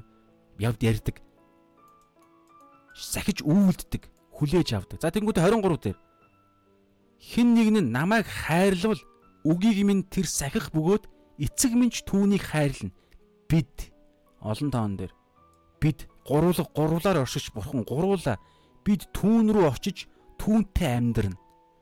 Энэ Иохан 13, 14, 15, 16, 17 чинь Есүсийн загалмай дээр цовлогдох өмнө өдрийн яг өмнөх оройн болж байгаа үйл явдал. Тэгээ 14 дээр сайн мэдээг танил ариун сүнсийг танилцуулаа эхэлж байгаа. 14-ийнхаа өмнөх хараа 16-аас би эцгээс гуйхад тэр та нарт туслагчийг өгнө гээл энэ та баахан ариун сүнсний талаар ярьж байгаа энэ хэсэг дээр саяны юм байгаа байхгүй. Бид тэр түүнтэй хамт амьдрна. Бид түүн рүү очиж түүнтэй хамт амьдрна. Энэ пентекост өдөр болж байгаа үйл явдал та хизээ итгэсэн. Тэр үед тэр өдөр таны дотор гуруулаар оршигч бурхан гуруулаа хамт амьдарч байгаа. Тэгээ ингэж амьдрах шалтгаан юу вэ гэхээр үгийг нь сахитгэл хүн. Үгийг нь чэйжилдэг үгийг нь ойлгоод тэгсэн мөртөө үйлддэггүй биш үгийг нь сахиж үйлддэг хүн үр жимстэй л хүн хэрэг үр жимс байхгүй бол нөгөө л нэг инженерийн модыг түрүүн яаж шүүлтийн өдөр үхлийг оноосон шиг тэр хүнд үхэл оноогдно гэсэн. Зүгээр хоосон эзэн минь гэдэг хүн болол таарна гэсэн. Матадлогийн 21 23 23 дэд гэж байгаа шүү дээ. Эзэн минь гэсэн болгон Тэнгэрийн хаанчлалд орохгүй. Эцгийн минь хүслийг үйлдэгч нь л орно гэж байгаа. Яс бусыг үйлдэгч надаас зайл гэж тэр өдөр би хэлнэ. Олноороо тэгж хэлнэ гэж байгаа шүү дээ. Олноороо тийм хүмүүс чуулгануудаас гарч ирнэ гэсэн. Тийм аюултай. Эзэн өөрөө бүгдийг мэддэг учраас ингэж ирээдүг өмнө хараад байгаа учраас бүгдийг omniscience мөн чанараараа хилээд байгаа шүү дээ. Чуулгануудаас олноороо гарч ирнэ гэж байгаа. Тийм учраас тэр хүн нь би байхгүй тул та байхгүй тул бүгдээрээ яг одоо гимшээ. Гимшээд шууд эзнээсээ өршөөл аврал тэгээд ариун сүнсний хүч ухаарлыг аваад тэгээд маргаашаас эхлээл шууд ариун сүнсээ 1-р Петр 5:8-ын дагуу эрүүл ухаанд буюу библийн библиэр сонор сэрэмжтэй буюу ариун сүнсээр сүнс ба үннээр алхах энэ амьдралаа эхлүүлье гэдэг уриалга байна. За тэгээд сүүлийн ганц хоёр ишлэлийг ишлэлээр өндөрлөе. Матай 5:16. Аа хүмүүс та нарын сайн үйлсийг хараад тэнгэрдэг эцгийг чинь алдаршуулахын тулд та нарын гэрэл тэдний өмнө тийхүү гэрэлтэг бидний сайн үйлс гэж байгааз үйлс. Нөгөө үр жимс. Бидний сайн үйлсийг буюу нөгөө сайхан амттай жимс. Энэ сайхан мод. Энэ яхан жимс. Инжир гэдэг жимс. Аа хүмүүс та нарын сайн үйлсийг хараад үр жимсийг чинь хараад тэр нь харагдахдаа гэрэл болж харагддаг гэдэг байгаа шүү. Та нарын гэрэл тэдний өмнө хийгээ хөрөлт. Тэгээ бидний гэрлийг хараад гэрэл болсон сайн үйлсийг хараад тэнгэр дэх эцгийг алдаршуулахын тулд бид сайн үйлс үйлс гаргаж байгаа. Нөгөө эн чинь юу гэхээр хаанчлалын зорилго. Бурхан аав алдарш алдаршна гэдэг чинь наан нь Есүс алдарших юм ярддаг. Есүс алдаршихын тулд тухайн хүн Есүсийг эзнээ болгож ижил Есүсийг алдаршуулна. Та бол миний амьдралын эзэн, миний бурхан гэж иж. Тэгэхээр тэр хүн аврагдж ижил та бол миний амьдралын эзэн, миний бурхан гэж хэлнэ шүү дээ. Тэгэхээр бусдын авралын төлөө л гэсэн үг байхгүй юу? Хүмүүс та нарын сайн үйлсийг хараад тэд аврагдахын тулд гэд оруулсан ч болно гэсэн. Тэд аврагт аврагдсан байхын тулд та нарын гэрэл тэдний өмнө тийхүү гэрэлдэг. Агаар нэг байхгүй юу? Ийм ярьж байгаа. За тэгэнгүүтлээ бүр ертөнцийн суураас өмнө хүртэл энэ нь Бурхны төлөвлөгөөнд байсан. Эфес 2:10 Учир нь бид сайн үйлсийн төлөө үр жимс, үйлс, сайн үйлсийн төлөө Христ Есүс дотор бүтээгдсэн түүний бүтээл мөн. Бурхан аавын бүтээл мөн. Биднийг эдгээрийн дотор яваасаа гэж Бурхан урдаас бэлтгэсэн бүр анханасаа ертөнцийн суураас өмнө Ром 10-ын 29 30 дээр байгаа. Урдаас мэдэх мэдлэгээрээ урдаас тогтоосон, тогтооснуудаа дуудсан, дуудснуудаа зүвтгсэн, зүвтгснүүдээ алдаршуулсан гэж байгаа. Тэнгүүтлээ Матай 15-ын 1 2 дээр нэг гоё ишлэл байгаас. Бишээ, Йохан 15 шүү. Йохан 15-ын 1 2. Тэгээ ингээ өндөрлөе. Би бол Есүсийн хэлсэн үг. Би бол усан үзмийн жинхэнэ мод. Эцэг минь усан үзмийн тариалагч үлээ. 2. Миний дотор байгч жимс ургуулдаггүй мөчр бүрийг тэр авч хайнаа. Жимс ургуулдаг мөчр бүрийг их жимстэй болгохын тулд тэр тайрч арчилдаг. Тэгэхээр Есүс бол усан үзмийн мод. Бид бол мөчрүүд нь. Энд доорч гисэн байгаа чааш нь хэлж байгаа. Усан үзм бид мөчрүүд нь гэж байгаа. Тэгээ миний дотор байд миний дотор байх тун би ч та нарын дотор байна. Усан үзмийн модонд холбогдохгүй бол мөчр өөрөөсөө жимс ургуулж чадахгүй адил та нар миний дотор байхгүй бол тийм байх болно гэж энэ хэдвэр ишлэн дөрөвдүгээр ишлэл. Тэгэхээр тийм ярьж байгааз тэгэхээр Есүсийн дотор үргэлжлүүлэн бүгдээрээ явцгаая гэдэг хэрэгжүүлэлтийг гаргая. Тэгснээрээ ингэж явж байгаа зорилго нь бусдын авралын төлөө гэрчлэл болохын тулд бид сайн үйлстэй амьдрах ёстой байна Гэхдээ бид зөвхөн тэдний төлөө биш. Бидний шинээр бүтээгдсэн Иохан 3 3 дээр байгаа дахин төрсөн үнийг Есүс салхитай зөвөрлж Никодем тайлбарлаж байгаа. Тэгэхээр дахин төрсөн хүн угаасаа бусдад мэдрүүлдэг. Салхи угаасаа ямар нэгэн байдлаар өөрийгөө ингэж замдаа тааралцсан юмд өөрийгөө мэдрүүлдэг. Сэрүүээр өгүүлдэг. Эсвэл хөнгөн юм байвал хийсгдэг. Эсвэл бол юм юм таарвал чимээ гардаг янз бүрийн юм хийсдэг. Дахин төрсөн хүн зайлшгүй ингэж юм харагддаг, үр жимс нь харагддаг. Тэгэхээр бид дахин төрсөн хүн үнэхээр мөн үү биш үү гэдгээ хүртэл өөрөө өөртөө хүртэл шалах боломжтой. Тэгээ түрүүн бас юун дээр хэлсэн шүү дээ. Аа Матай 7 дээр ч гэсэн 7-гийн 13-аас цаашаа байсан те а хуурамч иш үзүүлэгч нарыг хүртэл таних багжийг бурхан гэж өгсөн шүү дээ Есүс. Хин нэгэн бидний одоо юу гэдгийг эцсийн үед тийм хүмүүс олноороо гарч ирнэ гэдэг байгаа шүү дээ. Тийм учраас эцсийн үе одоо энэ эцсийн үед бид амьдарч байгаа учраас хэн нэгэн хүн хуурамч иш үзүүлэгч мөн үү биш үү гэдгийг хүртэл бид үр жимсээр нь мэдхийн мэдхийн тулд хүртэл ийм зүйлийг бас эзэн бидэнд хэлсэн. Тэгэхээр хит гэдэг юм байгаас нэгдүгээрт өөрсдөө дахин төрсэн хүн гэдэг нь үнэхээр мөн бол үр жимс гардаг. Энэ нэгдүгээрт. Хоёрдугаарт хуурамч иш үзүүлэгч нар бидний дунд ороод ирсэн байхгүй гэдгийг бид үр жимсээр нь харна. Гуравдугаарт сайн мэдээний зорилготой дэлхий рүү бид хандахдаа дэлхийд гэрэлтэж эцгийг алдашуулах буюу Есүсийг үнэн гэдгийг бидний яриад байгаа сайн мэдээ нь бодиттой үнэн гэдгийг бид амьдралаараа сайн үйлсээрээ харуулж иж яг Есүс өөрөө тэгж амьдрсан шүү дээ. Номлосон гайхамшиг үйлдэл, номлол гайхамшиг, номлол гайхамшиг. Тэгээ бид ч гэсэн тэгж иж бус яа бусдыг Есүс итгүүлнэ. Тэгэхээр дор хаяж гурван юм хэмжигдэхгүй мэн. За тэгээ залбираад өндөрлөө. Эзэн минь энэ цагийн төлөө талархыг өнөөдрийн цагаар дамжуулан 21 оны 1 сарын 1-ний анхны эзэн Библи судлалын цагаар эзэн та биднэрт эзэн шинэ оныг эзэн үнэхээр үр жимстэй байгаасаа гэдэг утгаараа бас угаасаа та нар ариун сүнсээр дахин төрсөн сүнс дотор байгаа бол бүх бүх хүч чадал болсон мэдлэг болсон тэрхүү төгс агуу гайхалтай бурхан гурлаар огш бурхан биднэртэй хамт байгаа учраас биднээс гарцаагүй үр жимс гарах боломжтой. Тийм учраас эзэн а биднийг та биднээс үүнийг хүсэж байгаа гэдэг бид өнөөдөр харлаа эзэн. Тэгээ бид нараас а бусдын авралын төлөөч гэсэн эзэн бид гэрэлтхийг хүсэж байна. Давс байхыг хүсэж байна. Ариун сүнсээ та биднэрт улам илүүгээр бид Есүсийн үгийг ойлгоход сануулж өгөөч, ойлгуулж өгөөч. Тэгээ сахин биелүүлэх та туслаарай. Бурхны алдрын төлөө өөрсдөө бид алдарших үедээ эзэн биднийг хамгаалаарай эзэн. Есүсийн нэрээр аминь. За за хамт ирсэн хүмүүстээ баярлалаа. Шинэ оны мэнд сайхан амраарай. Тэгээд аа